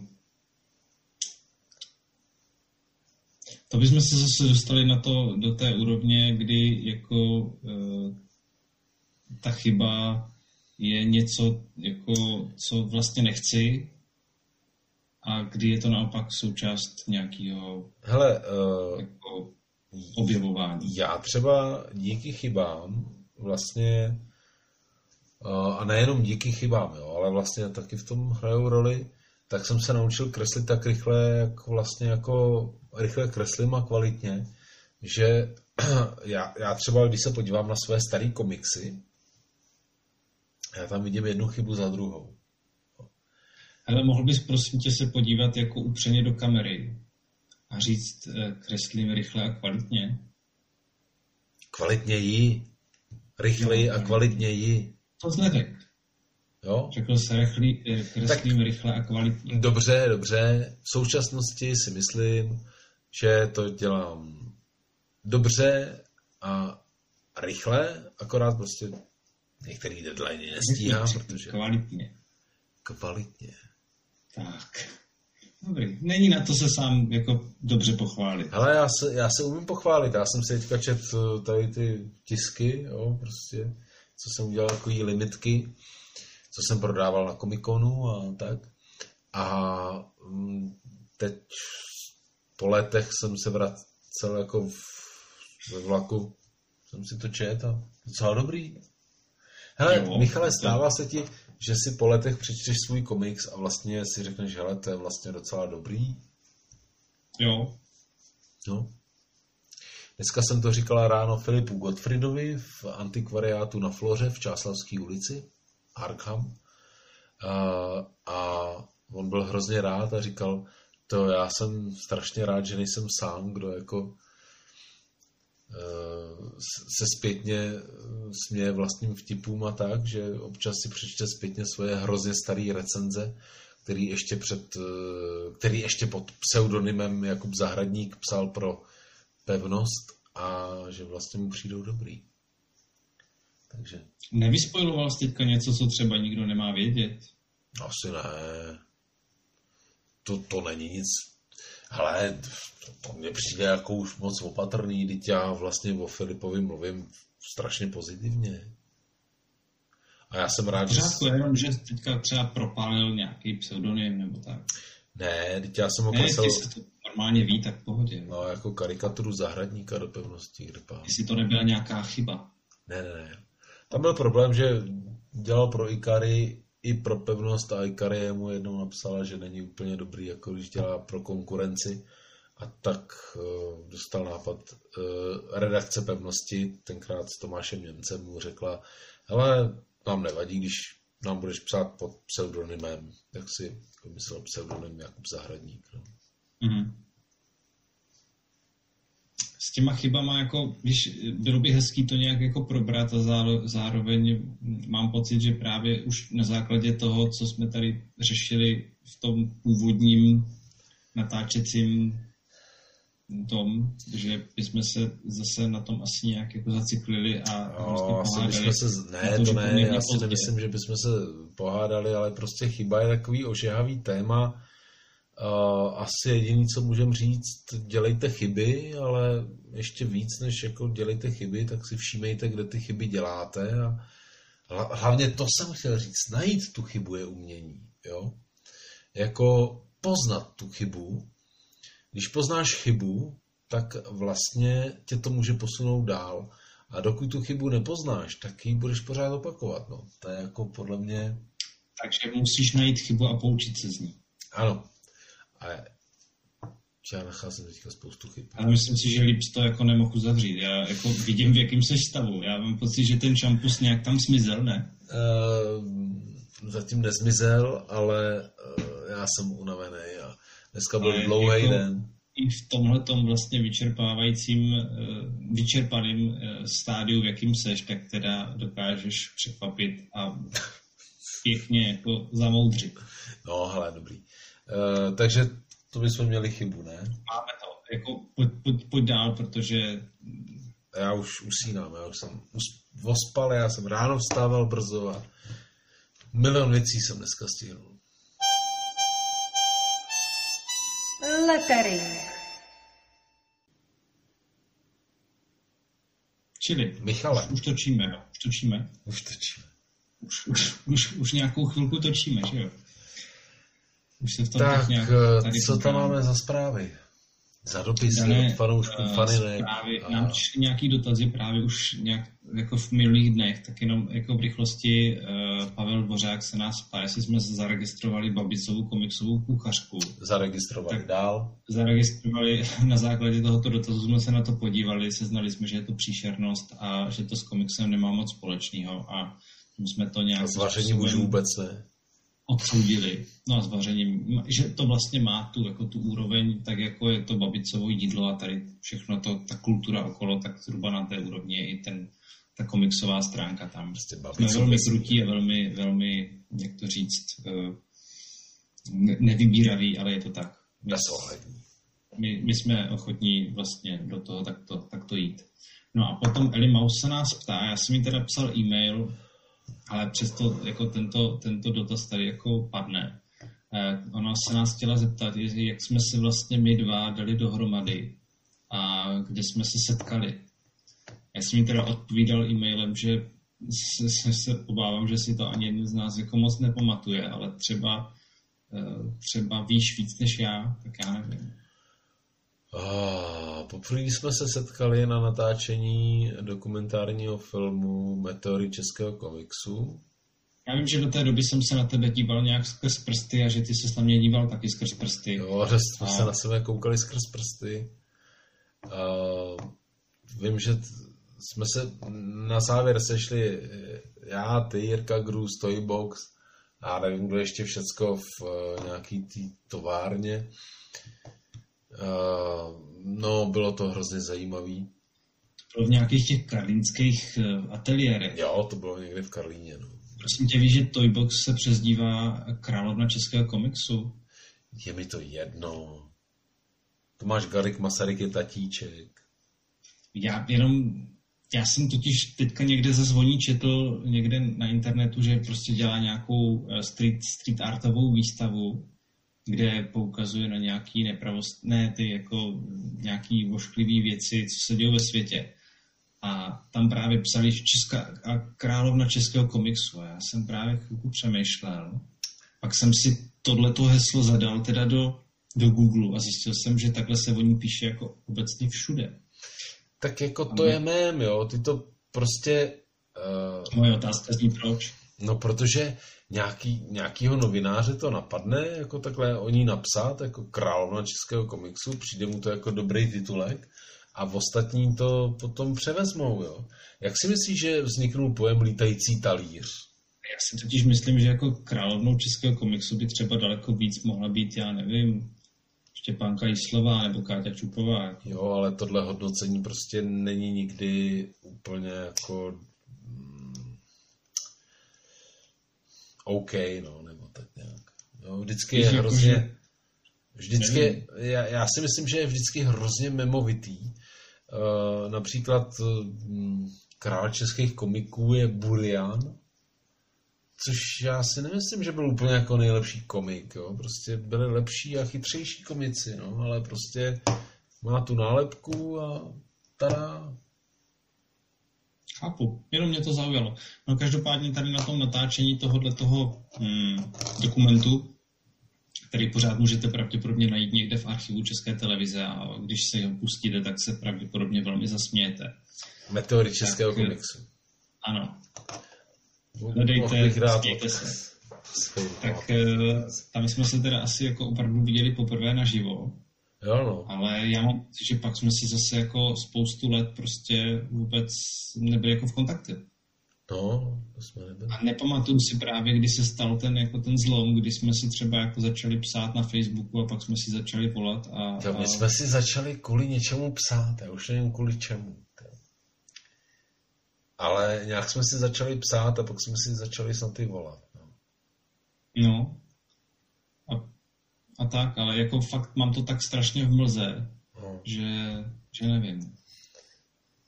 Jo, no, ale vím, že prostě, jo, no, to, v těch meteorech jsme byli takový... A myslím si, že jsme dost jako prokoučovali vlastně to, že, že si to ani jeden z nás pořádně nepamatuje, protože hmm, až se jednou budou psát dějiny e, e, o šlechtě českého komiksu, tak,